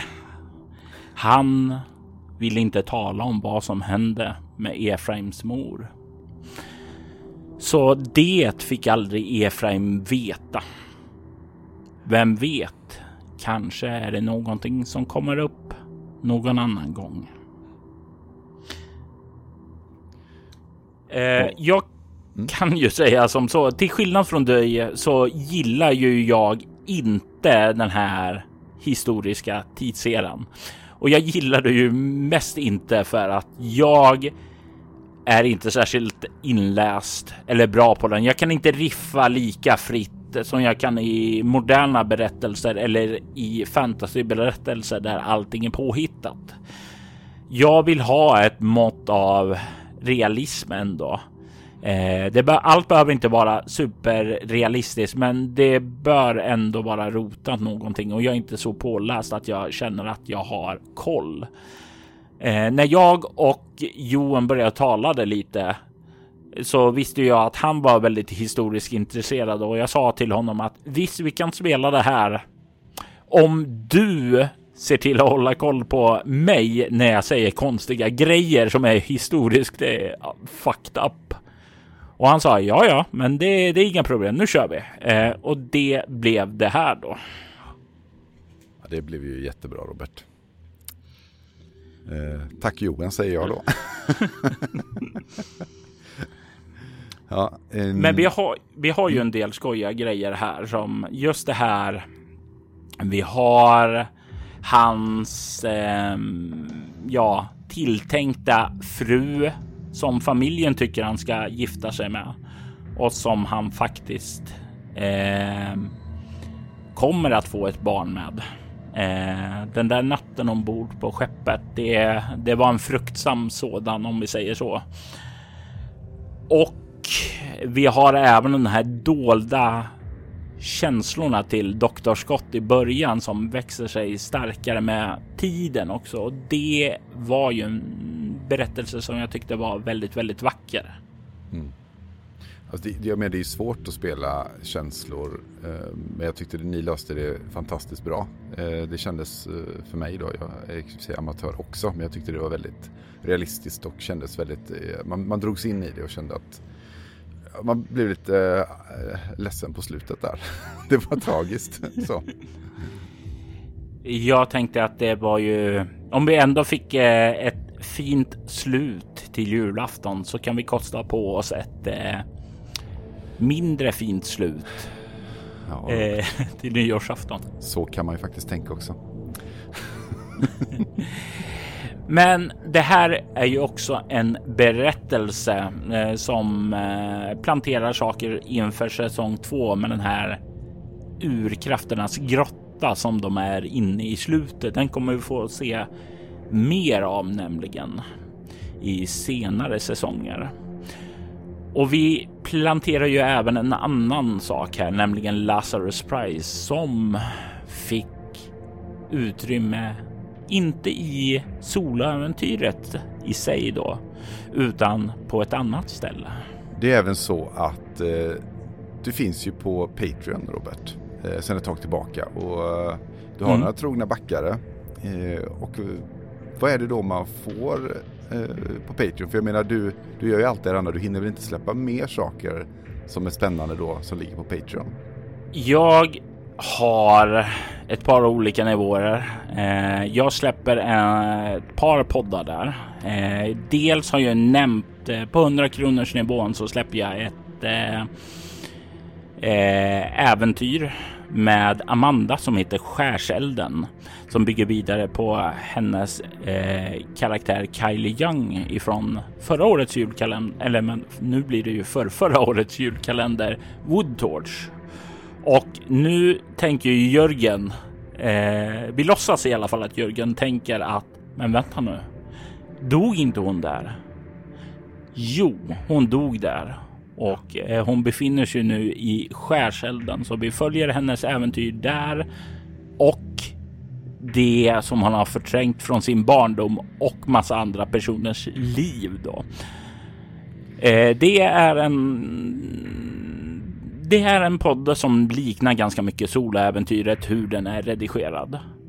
Under det så har jag en eh, nivå på 50 kronors nivån där man kan höra en lätt klippt eh, podd med lite musik, väldigt lite. Nu först hade jag eh, Sanna äventyret där jag och Sanna Vallapuro spelade mm, ja, improviserade scenarion utan någon form av förberedelser och ser hur går det här? Blir det bra? Vad kunde gjorts bättre? Men bara för att hon skulle komma in i sin karaktär i bakom lyckade dörrar och jag skulle få träna på improvisation. Nu är den säsongen klar och vi började med nästa eh, äventyr där och då är det jag, Jonas Karlsson och Fredrik Mård som spelar Drakar och Demoner i Altors värld. Närmare bestämt i Cardien. Eh, där vi kommer få spela lite klassiska äventyr som Sarkatans gravalv och Marsklandet där. Och sedan på nivån ovanför skärselden så har vi att man får tjuvlyssna på oklippta avsnitt. Men jag tänkte så här att nu när vi har en Patreon, eh, vad kan vi göra för roligt där? Jo, jul. Eh, kalendern. Vi kan ju införa en adventskalender att släppa ett avsnitt eh, varje advent. För det var en väldigt bra tanke att ha i åtanke i senare hälften av november typ. Ja, precis. ja, men du hade så mycket tid nu när du inte behövde klippa allt själv, va? Var det så du tänkte? Det kan ha varit någonting. Så fyller man ut det med mer tid, med mer grejer alltså. Det, ja. nej, men det var ju någonting jag kände att jag vill, jag har så mycket berättelser i Eh, den här världen. Jag vill visa mer olika perspektiv som eh, knyter an till vad som pågår där nu, men som samtidigt inte är uppknutna till de här karaktärerna. Så jag eh, tänkte att jag gör fyra fristående scenarion. Det misslyckades jag med. För det fick ju en röd tråd där i alla fall där. Som planterar saker för framtiden. Och du kallar den här för Secrets? Ja, ytterligare en låt ifrån The Birthday Massacre. Och den var ju som sagt var uppdelad i fyra avsnitt. Eh, den första kapitlet var med Jesse Wright och eh, vi hörde ju Alexander Thaler göra lite dubb i Dalias ark där. Och det vi hade ju hört honom omnämnas som författare i eh, i både In the Dark och Under the Stairs. Då. Här så får vi se hur han besöker biografen, somnar för att uppleva en ödslig framtid där han räddar kvinnan Ofelia innan han vaknar upp från drömmen i biosalongen. Eller var allt bara en dröm? Ja, Ofelia, kan du säga någonting mer om Ofelia? ja, Ofelia är ju en kvinna som dubbas av den fantastisk eh, talangfulla Emily Drotz. Hon gör, ger hennes, hon gör Ofelias röst och eh, jag kollade lite på vad hon hade fått göra för röster för mig tidigare och det var så här. Ja, eh, jag, jag, insåg att oj, jag har ju stereotypiserat henne, klassat in henne i ett fack där bara som så här unga oskuldsfulla personer.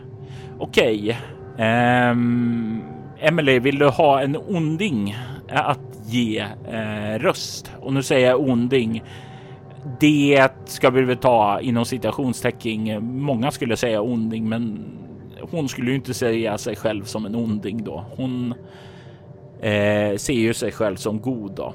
Eh, men då sa hon Oh, excellent! Eh, och dök in i det där. Eh, och det är ju rätt skoj då för både Alexander och Emily är ju från samma podd. Rollspelarna heter den. Också något som jag kan rekommendera att lyssna på. Eh, de, det var ju där som de studsar då.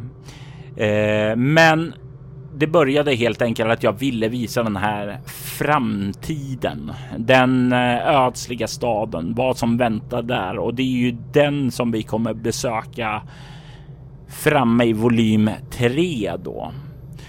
Och den här, det här som händer här är ju saker som sker längre fram då.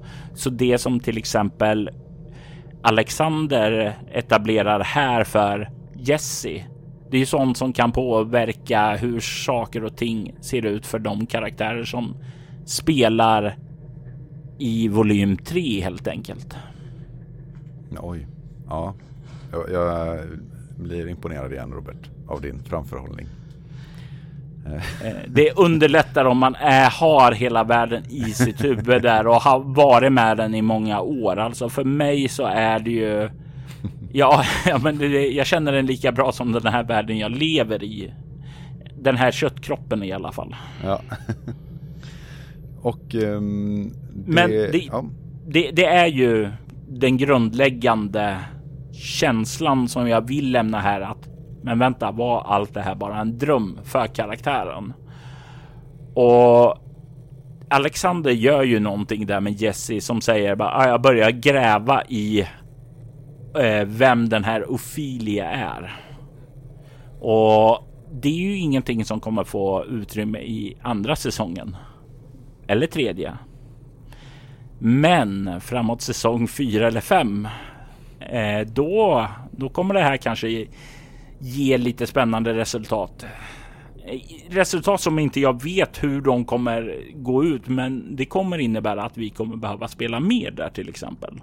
Och där har du ett exempel på hur en liten dubbroll plötsligt kan bli större. Ja.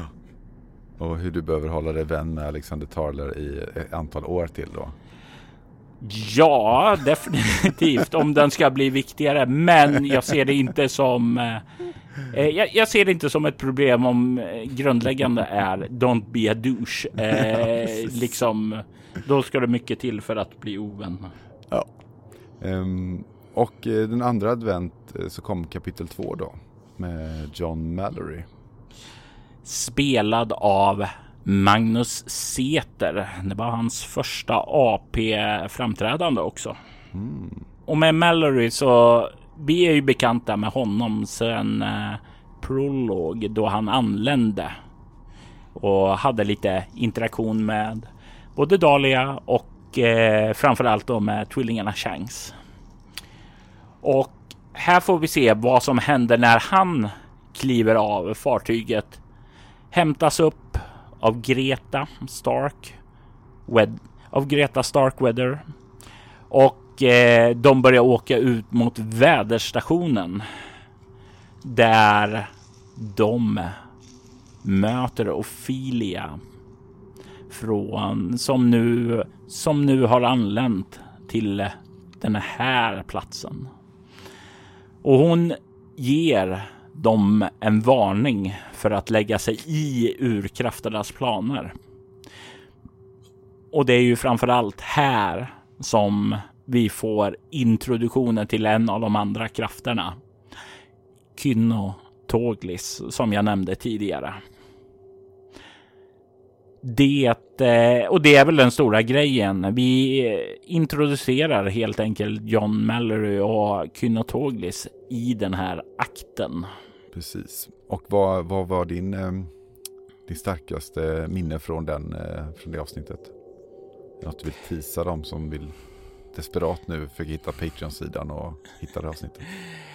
Alltså, Magnus är väldigt, väldigt duktig på att fånga en karaktär som har varit med om mycket djävulskap. Men som ändå tar livet med en klackspark. Han är duktig på att eh, göra ett karaktärsporträtt som eh, jag tycker blev väldigt, väldigt intressant och eh, det, eh, det, vi kommer att få se mer honom vi kommer få se mer av honom senare i soloäventyret också. Det är en karaktär återigen med nyanser. Det är en grå karaktär, det är inte en svart eller vit. Det är en eh, person med många sidor av sig. Och jag ser fram emot att låta Magnus skildra alla dessa sidor. Underbart. Och när vi närmar oss den tredje advent så har vi Bill Mason. Och jag kan inte påminna att jag har hört talas om Bill Mason. Du har säkert nämnt eh, den karaktären vid tillfälle. Spelad av Kristoffer Hermansson från eh, podden Spelsnackarna. Jajamensan, eh, jag har nämnt honom, men inte. Men han har inte varit en dubbroll där. Eller jo, faktiskt. Han lämnar ju en av julhälsningarna eh, jag tänker efter, för det var ju någonting i avsnitt 23. Alla olika, eller inte alla, men många dubbkaraktärer fick ju chansen att spela in olika julhälsningar. Just det ja. Ja, det var lite suddigt där runt jul. Nu minns jag. ja, och du bidrog ju själv då med ja, en. precis. Eh, det kan vara någonting att vara värt. Jag tyckte det blev ett väldigt fint sätt att skapa julkänsla kring. Jag fick chans att spela julmusik och hela konkarongen där. Det blev väldigt fint. Eh, och sedan mändes väl Bill också på någon av eh, Amandas radiomonologer också. Mm. Eh, men eh, jag hade talat med Kristoffer om den här rollen för två år sedan i princip. Eh, men så tog, tog saker och expanderade på grund av Gustav och Maria. Eh, undersökte massa saker i säsong två och tre, så det hans roll flyttades framåt och framåt och framåt. Men nu när jag fick chansen att dyka in i karaktärerna, eh, fristående karaktärer, så kändes det som ah, perfekt. Eh, då får han ta och gestalta eh, den unge talangfulla musikern som nu har fått sin studioutrustning med båtleveransen, har spelat in sin demo och nu beger sig iväg till Kate Robinson för att eh, få henne att spela det på radion. Och eh, i princip han kommer dit, eh, har eh, en scen där, där vi får se lite mer av Kates radiotorn också. Som ligger i den gamla fyren i trakten. Och sedan så tar han sig hem och och eh, under kvällen får han besök av en kvinna som heter Ophelia. Mm. Som eh, lovar honom guld och gröna skogar och han tackar ja till det och lämnar över fyra demokassetter till henne. Och hon tar emot dem. Och i en sån här outroscen då får vi se att hon dyker upp till en gammal man och säger att här har jag hans röst. Nu är vi redo att göra artefakten klar. Och den här gamla mannen, det sägs inte rätt ut, men det är ju Lazarus Price som Efraim eh, fördrev 1882, men inte stoppade permanent. Det här låter ju hur spännande som helst nu Robert. Ja, då ska du bara vänta till avrundande eh, avsnittet då. Ja, kapitel 4 med Jane Venus eh, spelad av eminenta Agnes Rudbo. Ja, och Agnes har ju gjort en replik i, eh, julkalendern innan där hon gav Jane röst då. Eh, mycket för att eh, karaktärerna inte ville prata med henne eller inte ansåg henne som viktig att prata med. Eh, men som ändå återigen har en roll att spela om man drar i rätt trådar och vi får ju se lite grann av vad eh, dessa trådar är. För hon är ju en utböling som har tagit sig till den här lilla skithålan i norraste Alaska. Eh, öppnat eh, en antikvitetsbutik för de ja, företagsledarna i trakten i princip, för det är de som har råd med eh, sakerna. Bortsett från lite nyinförskaffat eh, filmrekvisita och repliker som hon börjar nu att sälja till ungdomarna där i trakten.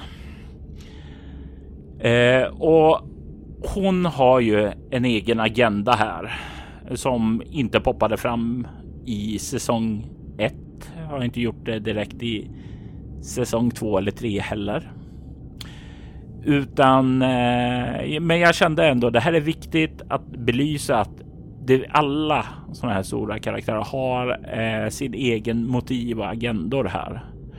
Och det här avsnittet handlar om att visa en av dessa. För det är en sen kväll på julafton. Hon stänger det butiken och just som hon stänger den så knackar det på dörren och in kommer Ofilia och erbjuder henne information om det hon söker efter i utbyte mot att hon håller en artefakt i hennes ägo tills dess att rätt person kommer och ber om den. Och här får vi lite grann information om fler saker som pågår i bakgrunden, lite grann om urkrafterna, vad de ser som hot, varför de fungerar som de gör. Eh, det är lite grann eh, helt enkelt. Vi, vi får följa Ofelias resa genom fyra personers liv här och eh, det är lika mycket som den berättelse om de här fyra personerna så är det en berättelse om Ofilia och urkrafterna. Och har du planer på att eh, lagom till nästa julkalender fortsätta det här eh, spåret med eh, adventskalendern? Inte just det här. Däremot så har jag en annan sak i åtanke där. Att vi kommer då att få följa eh, den lite äldre Efraim Martin och hans son. Mm, så att, eh, och nu sitter ju alla här och kastar liksom pengar på sin poddspelare och undrar hur sjutton gör man nu med Patreon och vad måste jag betala för att få lyssna på de här fyra fantastiska avsnitt som finns? Och jag gjorde ju som så att eh, jag ville inte sätta det på någon hög nivå för att det skulle vara svårt att komma åt den, utan jag ville att så många som möjligt skulle kunna lyssna på den eh, som var backare. Så jag satte den på lägsta nivån, alltså 10 kronor i månaden eh, för de här fyra avsnitten. Alltså det, det är ju nästan gratis Robert. Ja, och ja. det var tanken också. Det är fantastiskt. Ja, eh, Patreon.com snedstreck Robert Jonsson. Finns nog länkar i show notes också gissar Ja, det kan vi nog fixa. Men vi har eh, lite frågor här eh, innan vi börjar runda av. Ehm, eh, ska, vi, ska vi bara suga tag i dem helt enkelt? Eller något mer du vill säga innan vi går Kör. in på dem? Ja. Per Arneskan. Per, per Arneskan. Gud vad jag, förlåt Robert, jag måste dricka lite det blir som så får man in någonting i huvudet så är det så lätt om man fastnar där och man blir nervös och säger om och om igen. Jag har haft det med många dubbare att de säger det. Eh, jag vet, nu tänker jag göra det här. Förlåt Per, eh, jag tänker hänga ut dig lite här nu också. Eh, det var ju som när Per dubbade så fastnade han ju på ordet Sarojan.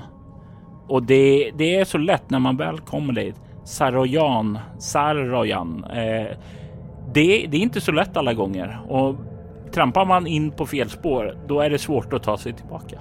Ja, och till Pers försvar så sa jag också fel i början, för Robert har konstiga ord. Vi skyller på dig Robert. ja, det är Även om du har rätt. perfectly valid. uh, ska se om jag lyckas här nu då. Uh, per Arneskans frågar hur arbetar du ni med foreshadowing, alltså någon förebådande? Eh, hur mycket avslöjas direkt? Eh, jag brukar kalla det här för plantering då. Jag försöker plantera saker eh, i... Ja, det har jag ju i princip gjort alltid sedan jag började skriva eget. Alltså, ofta så har jag en ganska stor övergripande plan. Jag vet vad berättelsen är på väg. Jag vet de stora dragen. Eh, och då när jag vet de stora dragen, då kan man planetera saker eh, och eh, eh, ge ledtrådar om vad som kommer. Och det här är ju någonting som för det första eh, man bör veta vad som ska komma. Utan att veta det så blir det ja, rätt svårt att bara slänga ut saker. Det blir ett eh, storytelling som handlar om att eh, bygga allt eftersom och det är jag inte helt förtjust i. Sedan får man inte vara för specifik, alltså som till exempel ja, den 18 maj 2012 kommer det ske ett bråk på The Icy Leviathan där eh, Simone och Samantha slåss på liv och död mot varandra. Och om du inte stoppar dem så kommer det att sluta i Winterhills undergång. Alltså det där är väldigt, väldigt specifikt. Och det kräver ju då att man måste hålla Samantha och Simon eh, i liv så länge.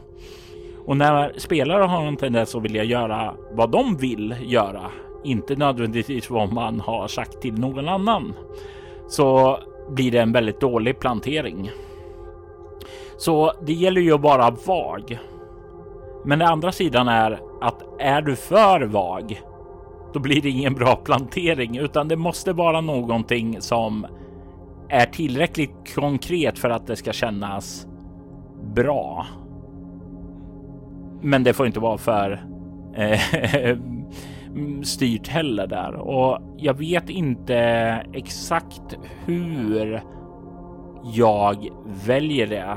Jag funderar lite på det, men jag har inte kunnat liksom kommit fram till vad, utan det är en fingertoppkänsla jag har.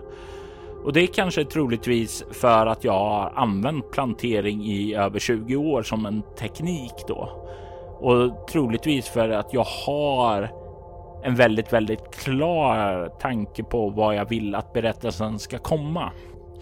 Och när jag säger det så menar jag ju inte att eh, jag måste styra spelaren till att komma dit, utan det är ofta så här övergripande drag som Ja, jag vet att eh, i volym 2 är det här hotet detta och det här representeras av detta. Så jag går väl troligtvis in mer på en tematisk eller symbolisk ja, hotbild där än snarare än en direkt konkret som jag planterar för. Mm. Och Per fortsätter ju här eh, om man blir då lite mer konkreta. Hade du något frö som planterades tidigt i kampanjen och sen blev riktigt lyckat? Något som de önskade kommit fram på ett annat sätt? Jag vet ju den som jag är mest nöjd över är ju planteringen av Lucifer. Eh, jag benämnde hela tiden flickan bara som Lucy. Men jag talade om hennes föräldrar som paret Fair.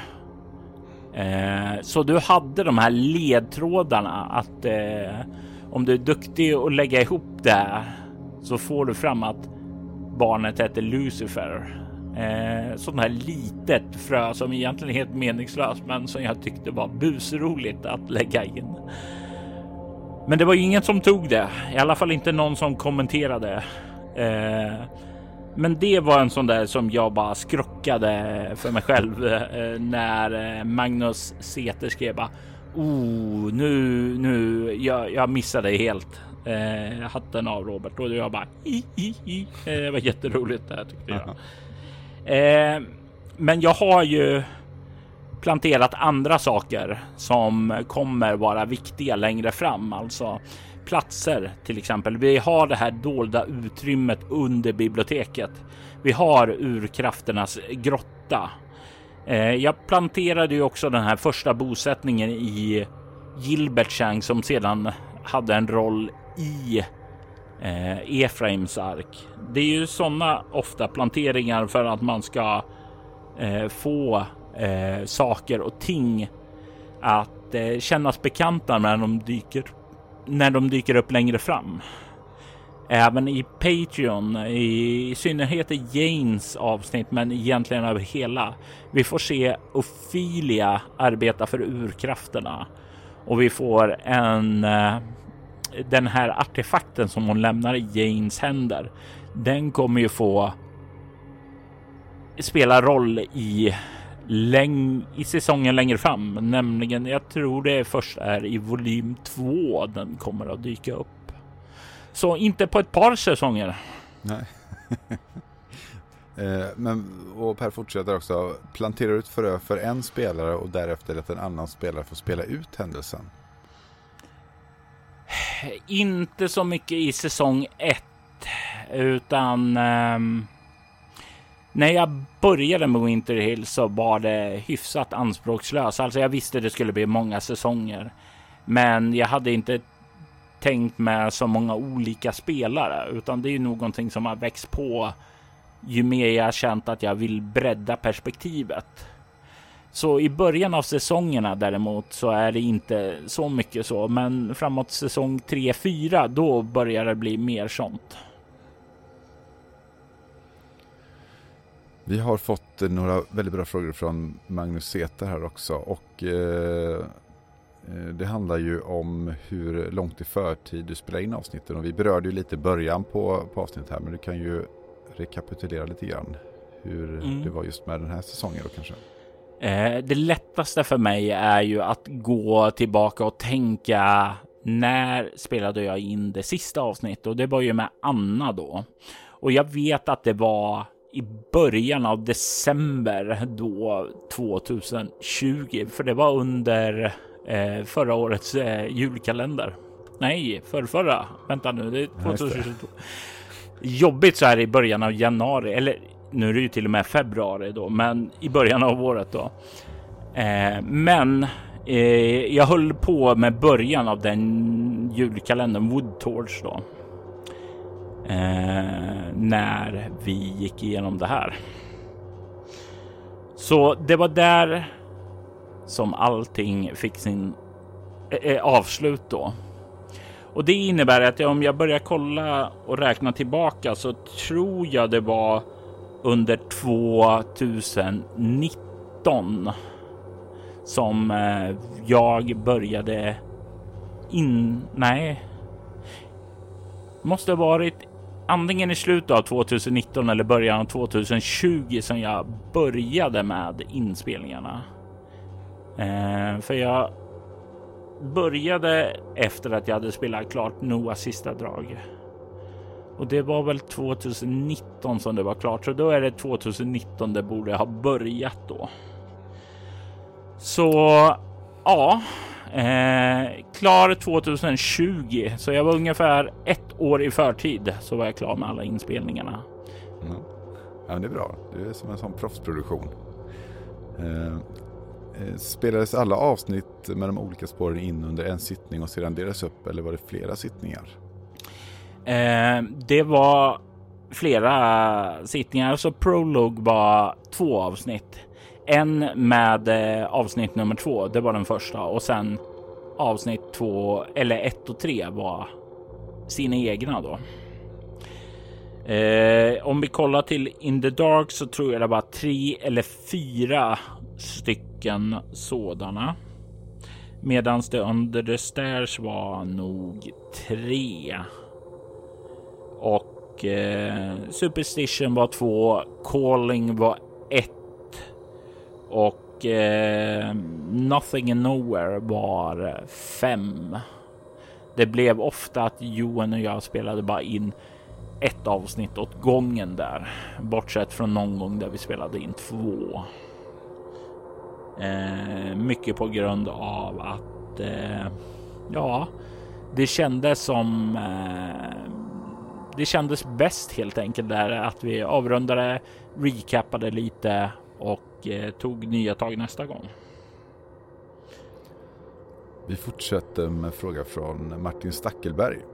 Eh, vad skulle Robert göra annorlunda om han skulle spelleda, spela in dessa scenarion idag?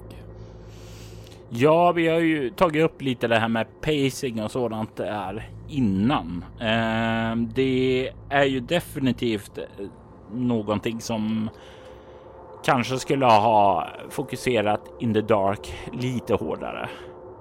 Eh, jag önskar också att jag redan från början hade varit tydligare med vilka jag skulle dubba. Eh, så att jag hade lättare kunnat markera ut dem och gett dem eh, alla ja, bättre utrymmen. Nu så var det ju lite grann ibland som man filade in bara. Ja, ah, men den här personen eh, borde ha varit i ett tidigare avsnitt istället för eh, den personen som var.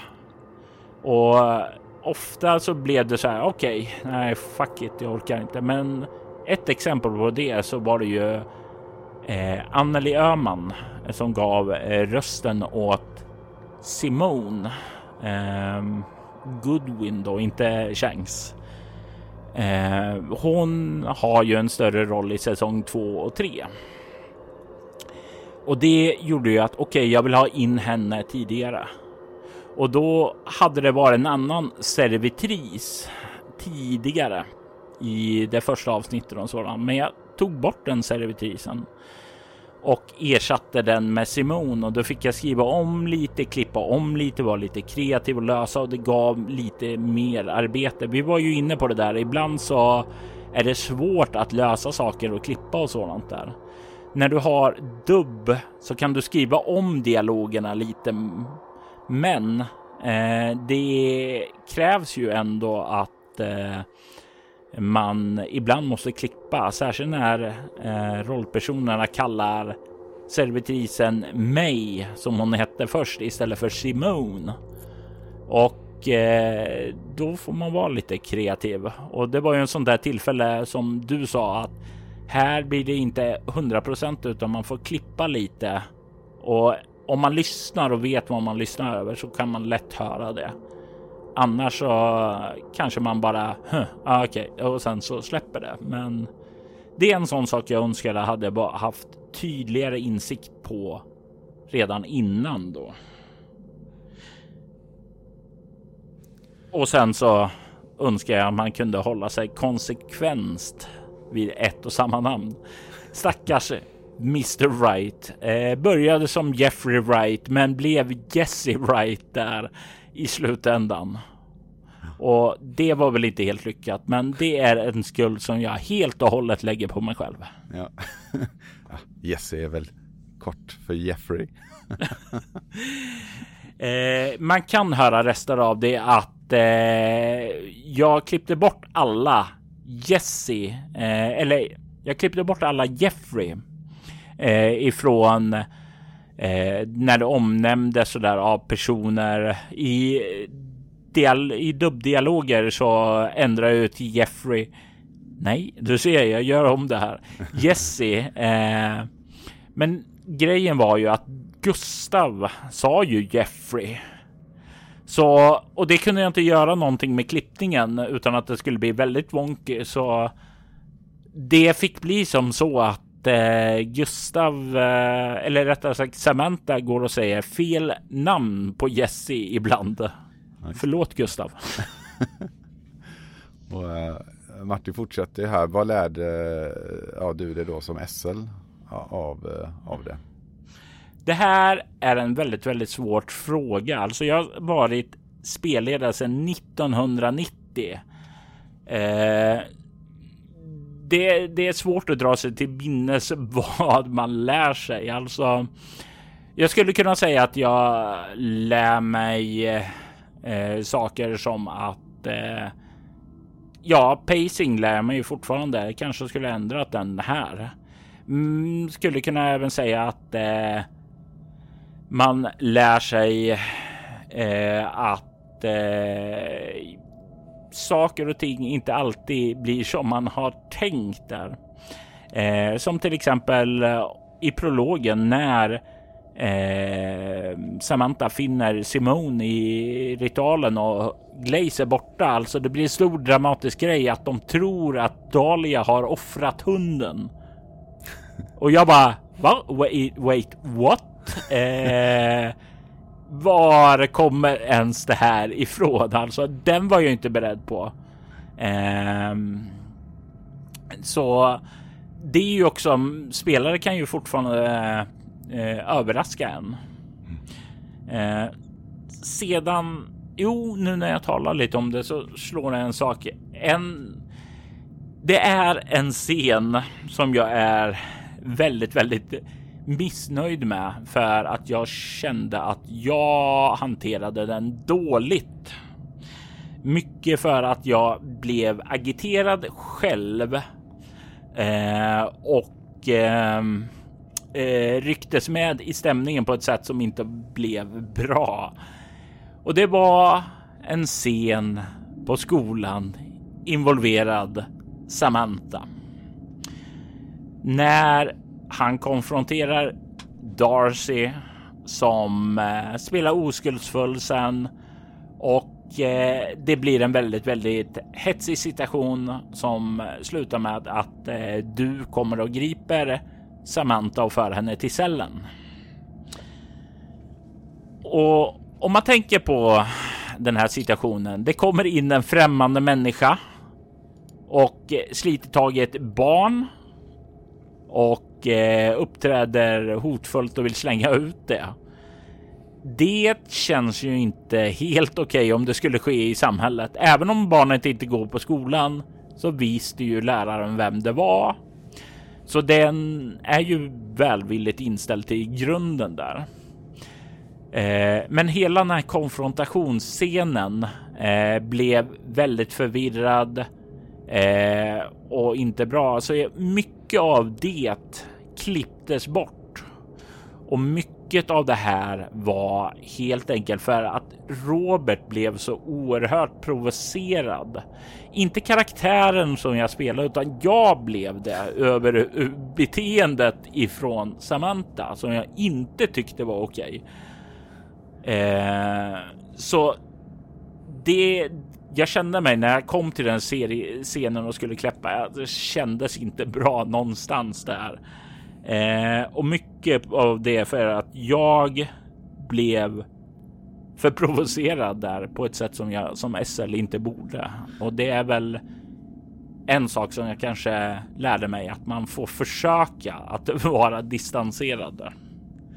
För jag tycker det som det, som det blev sen var ju, kändes eh, väldigt spännande och bra och eh, eh, ja, kanske att Samantha överreagerade lite grann. Men det var ändå det kändes inte karaktärsfel, vad säger man?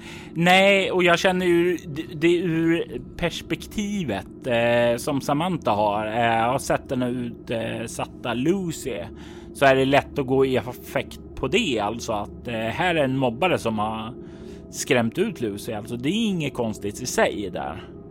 Eh, så det, jag, jag skyller inte på Gustav att han reagerar så, utan det här är ju helt och hållet jag som inte riktigt kunde hålla koll på mina känslor där. Får, eh, får lägga ut det oklippta någon gång Robert. På en hög Patreon-nivå. eh, ja, och jag har någon utsnärjning där att eh, någon tanke om att nej, men de känner inte som Darcy utan det är eh, Farsi eller någonting sådant där bara för jag hade någon idé att nej, men du kan inte veta att det är Darcy.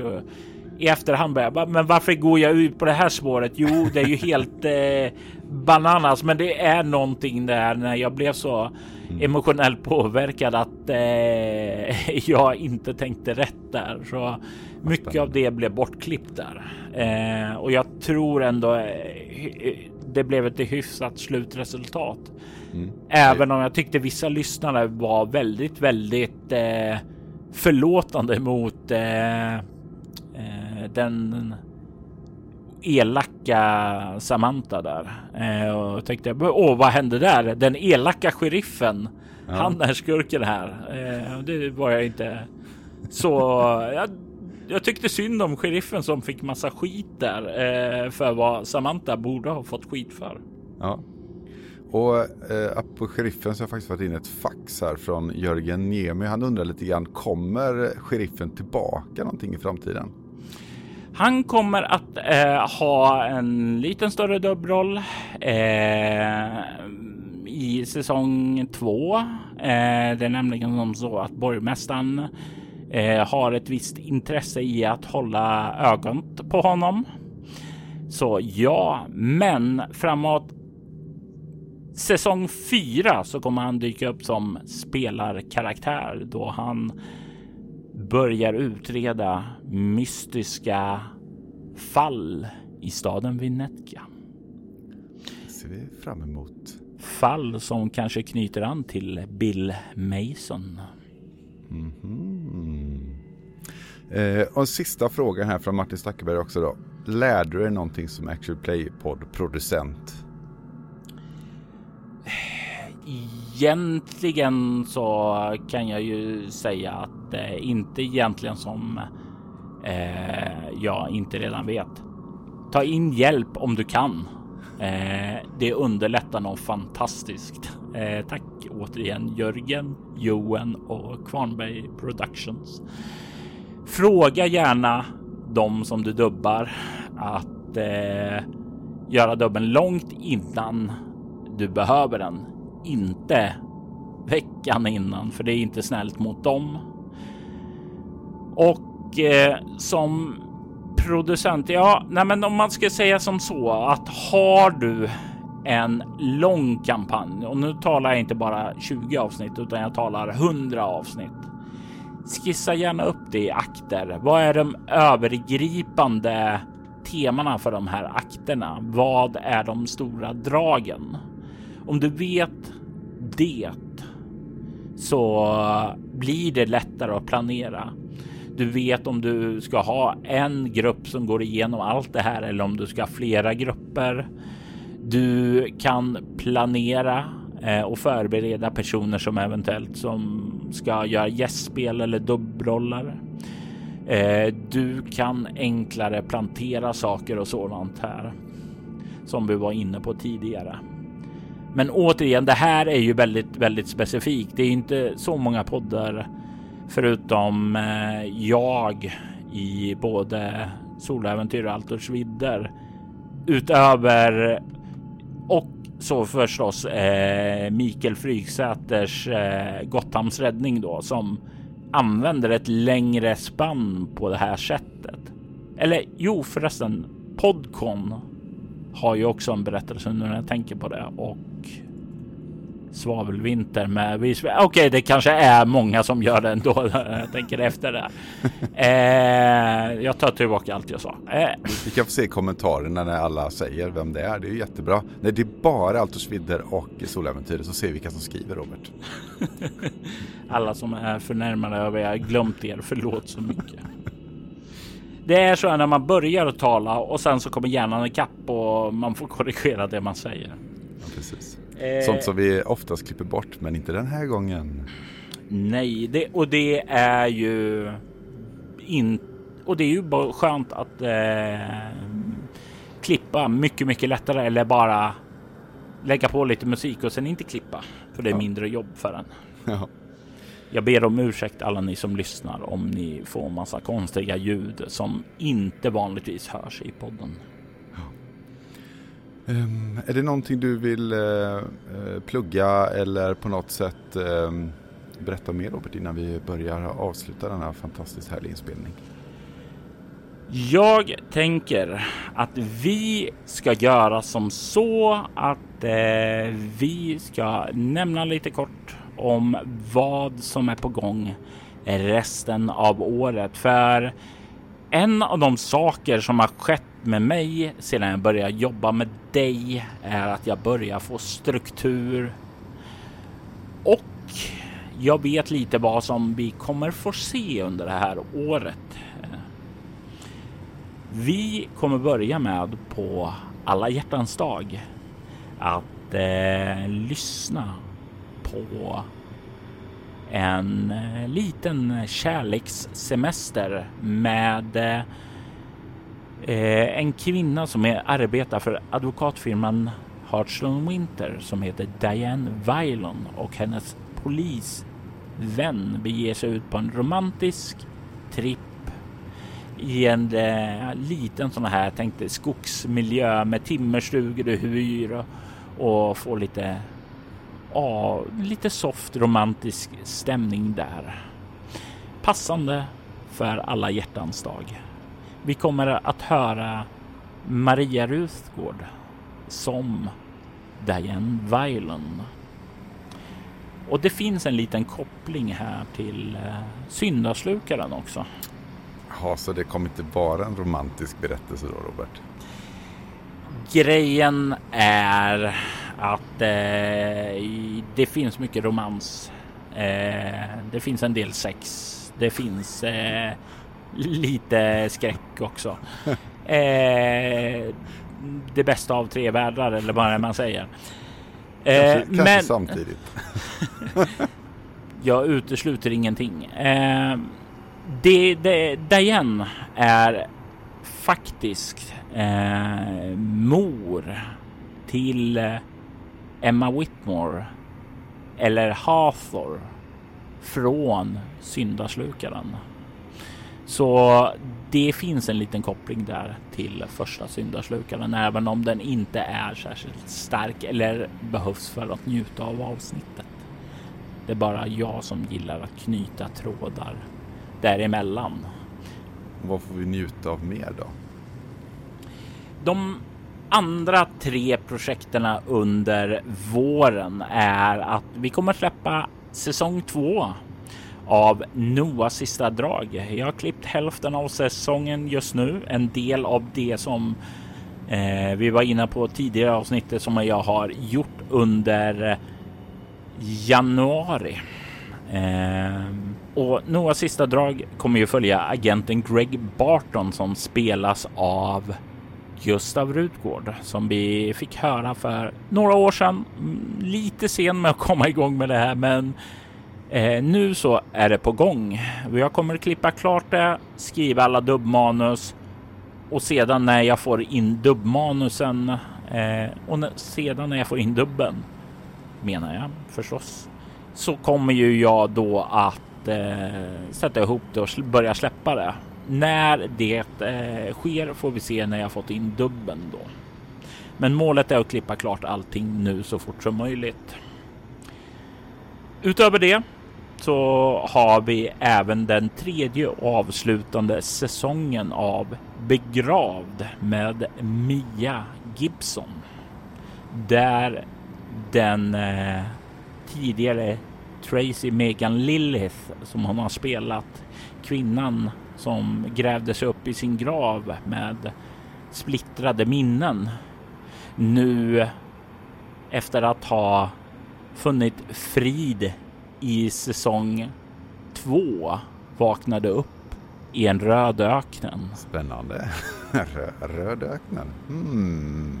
Mm, det knyter. Vi kom, det knyter an till eh, saker och ting som vi har talat om tidigare. Ja. Eh, och det finns faktiskt en länk i det avsnittet till Winter Hills också, så det är någonting som återigen väver samman helheten i ett. Vi kommer att höra en av dubbrollerna i Winter Hills göra ett gästspel här också. Och det kommer att tisa om saker som händer i säsong 3, 4 av Winter Hills. Men nu är det ändå slut va? Det kan inte vara mer Robert. Jag hade under förra åren premiär för första säsongen av Skuggstaten. Med en massa fantastiska människor. Det var Mikael Fryksäter, Gustav Rutgård, Maja Emily Sögaard Widerberg, Agnes Rudbo, Christer Svanlund. Och sen var det väl alla. Det var väl ingen som saknades där Jörgen? Jag tror inte det. och om ni undrar varför Gust Gustav skrattar? Nej, om ni undrar varför Jörgen skrattar så är det ju för att Jörgen också är med där. Och vi fick följa ja, startskottet på ett globalt terrordåd år 2050 där och vi hade karaktärsintroduktioner, hur karaktärer och sådant reagerade på det. Säsong 2 kommer att eh, samla alla karaktärer till ett team och utreda vilka som låg bakom det här. Och till skillnad från förra gången där alla var solospelare så kommer nu flera grupper spela i par om två. Och eh, vi har lite utredningsscenarion, vi har taktiska scenarion, vi har familjedraman och det är en väldigt, väldigt blandad kompott där som kommer och eh, eh visas. Men eh, det känns väldigt, väldigt bra överlag det här. Det är lite grann av ett lapptäcke för flera emotionella scener har spelats in och det har varit bara fokus på en scen då. Så det kommer bli lite intressant och eh, redigera ihop det. Men det är eh, riktigt bra scener som är inspelade. Där. Ja, det, är en, det är en kontrast mot förra säsongen på ett väldigt bra sätt. Jag, eh, jag tycker väl att den här är lite mer ångestladdad än förra säsongen personligen. Men ja, ni får väl se. Ja, eh, och det kommer ju vara mycket, mycket mer här. Det är ju jag har inte en lika stark plan här, men eh, det kommer väl åtminstone bli fyra eller fem säsonger skulle jag tro av den. Så nu är vi inne på säsong två och idag hade jag ett spelmöte med Christer och Agnes eh, som var fantastiskt trevligt och om det inte blir som så att jag åker ner till Göteborg och eller rättare sagt så här. Jag kommer åka ner till Göteborg och spela in en sak med dem till påsk. Såvida inte nu någonting revolutionerande händer med eh, smittspridning och utomjordiska invasioner eller vad de nu kan komma med eh, här eh, som är nytt för i år. Eh, om det scenariot går ut som jag vill så blir det antingen avslutning på först på andra säsongen eller starten på tredje. Vilket innebär att när jag har klippt klart Noahs sista drag så kommer det vara antingen det här eller begravd som jag börjar och klippa då. Så de här fyra sakerna kommer att komma ut under årets gång. Men Jörgen, det kommer att komma ut någonting mer. Kan du gissa vad? Uh, uh, jag tappat mig helt här. Om vi säger, vi har talat om det tidigare i avsnittet. Ja, du tänker på, du tänker på, på nästa julkalender helt enkelt. Ja, bra Jörgen! Okej, okay, och vad är det kvar då Robert? Är det julkalendern som är kvar då helt enkelt? Det stämmer.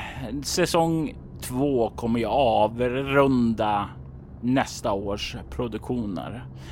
Men där har vi de eh, olika grejerna som är inplanerade för nästa år. Och vi hoppas att ni kommer ha mysigt med dem. Och jag tror Jörgen är på väg att kollapsa nu. Eh, så jag tänker att vi tar och eh, börjar avrunda eh, det här avsnittet. Eh, om man vill säga hej till dig Jörgen, eh, kan man göra det någonstans? Eh, jag eh, postar då och då på Instagram på wildcode.game men eh, finns även på Facebook och jag ser ju posterna på Soläventyret med. Så att jag är väldigt lätt att få tag i så. Men kör på Insta om det är något DM mm. du vill skicka. Har du någonting annat du känner du vill plugga? Eh, jag har ju spenderat det senaste året att jobba väldigt mycket ihop med dig så jag ligger i startgroparna för eh, olika saker. Eh, men de kommer komma betydligt längre fram i så fall. Jag kommer ju försöka återuppväcka Hörneslingan där jag kör en, en egen kampanj, eller fortsätter på den kampanjen med en, en av mina spelgrupper. Så att det kommer nog komma något av det, ett material som man kan spela helt enkelt då. Är det det som är under parollen källarspel? Precis, eh, det här luddiga eh, fenomenet för att ha ett namn på någonting då. Så att, mm. Eh, helt sant. Och det är ju ingen podd, utan det är en eh, sak på Youtube om jag Ja, har det rätt. vi- ja, det var ju ett par år sedan nu när vi släppte något senast. Jag har faktiskt något kvar att klippa som skulle kunna komma ut. Eh, Men det var ju ett eh, lite konstexperiment också att se eh, det formatet, väldigt korta avsnitt och eh, eh, jag eh, gör min första videoproduktion så att eh, ja, man får väl ta det för vad det är. Men det var väldigt roligt och eh, det kan bli mer sånt i framtiden men just nu så fokuserar jag väldigt mycket på eh, att försöka skriva. Ja, podd och sen skriva. Podd ihop med dig, spela och eh, skriva äventyr som man kan dela med sig till andra som vill spela rollspel helt enkelt. Det är ju en fantastiskt fin ambition då. Om ni vill komma i kontakt med podden i sig så kan ni nå oss på att spela bortom på Facebook och Twitter. Eh, tekniskt sett så finns Twitter, men jag ska inte säga att jag är aktiv där. Eh, ni kan även följa oss som soloäventyret på eh, Facebook och så kan ni alltid nå oss på info bortom.nu. Och det går rykten att jag även har en Patreon. Vad är adressen till min Patreon, Jörgen? Du som är fantastisk på att komma ihåg den. Om du vill fortsätta stödja Roberts kreativa skapande så gå in på patreon.com Robert Jonsson. För de som stöttar Robert får ju både extra avsnitt och en massa annat poddgodis som bara finns där. Det kan vara att Jörgen har fått göra väldigt, väldigt många outron där han sagt det här så det sitter bättre för honom än mig. Ja, jag är sämre på att plugga mig själv. Men är det inte det alla vi är? Vi är dåliga på att plugga oss själva, men vi gladeligen springer man ur hus för att plugga för andra. Jag känner igen det där Jörgen. Det är därför jag talar om och säger källarspel medan du inte gör det. precis. Men tack Robert. Och jag säger ett stort tack till er som har lyssnat på det här. Vi är glada över att ni lyssnade och vi är glada och tacksamma för att ni har hört vår julkalender och den första säsongen av många, många säsonger av Winter Hills. Tack för att ni har lyssnat. Detta har varit Winter Hills Postmortem med mig, Robert Jonsson och Jörgen Niemi. Temamusiken till Winter Hills gjordes av Andreas Lundström. Länkar till hans musik kan du hitta i avsnittets inlägg. Övrig musik i detta avsnitt var Cthulhu. En skiva av Cryo Chamber. Du hittar all deras stämningsfulla ambienta musik på de länkar som postas i avsnittets inlägg. Vi rekommenderar det varmt. Soloäventyret är en actual play podcast där vi spelar rollspelen Bortom och Leviathan. Ni kan komma i kontakt med oss via mail på info.bortom.nu. Det går även att följa oss på Instagram och Twitter som att spela bortom på Facebook samt på bortom.nu. Känn er även fri att spana in vår spin-off-podd Altor Schwitter där spelar vi det klassiska rollspelet Drakar och Demoner i världen Altor. Ni är välkomna att lämna recensioner om podden på både Facebook och era poddappar. Det uppskattas djupt av oss och kan leda till extra belöningar för er. Vill du stödja mitt fortsatta kreativa skapande kan du göra det på patreon.com snedstreck Robert Jonsson. De som backar får tillgång till material i form av extra poddar och statusuppdateringar. Mitt namn är Robert Jonsson. Tack för att ni har lyssnat. Vi vill ta tillfället i akt att tacka, hylla och hedra våra Patreon-backare. Martin Stackelberg. Ty Nilsson. Daniel Pettersson. Och Daniel Lantz.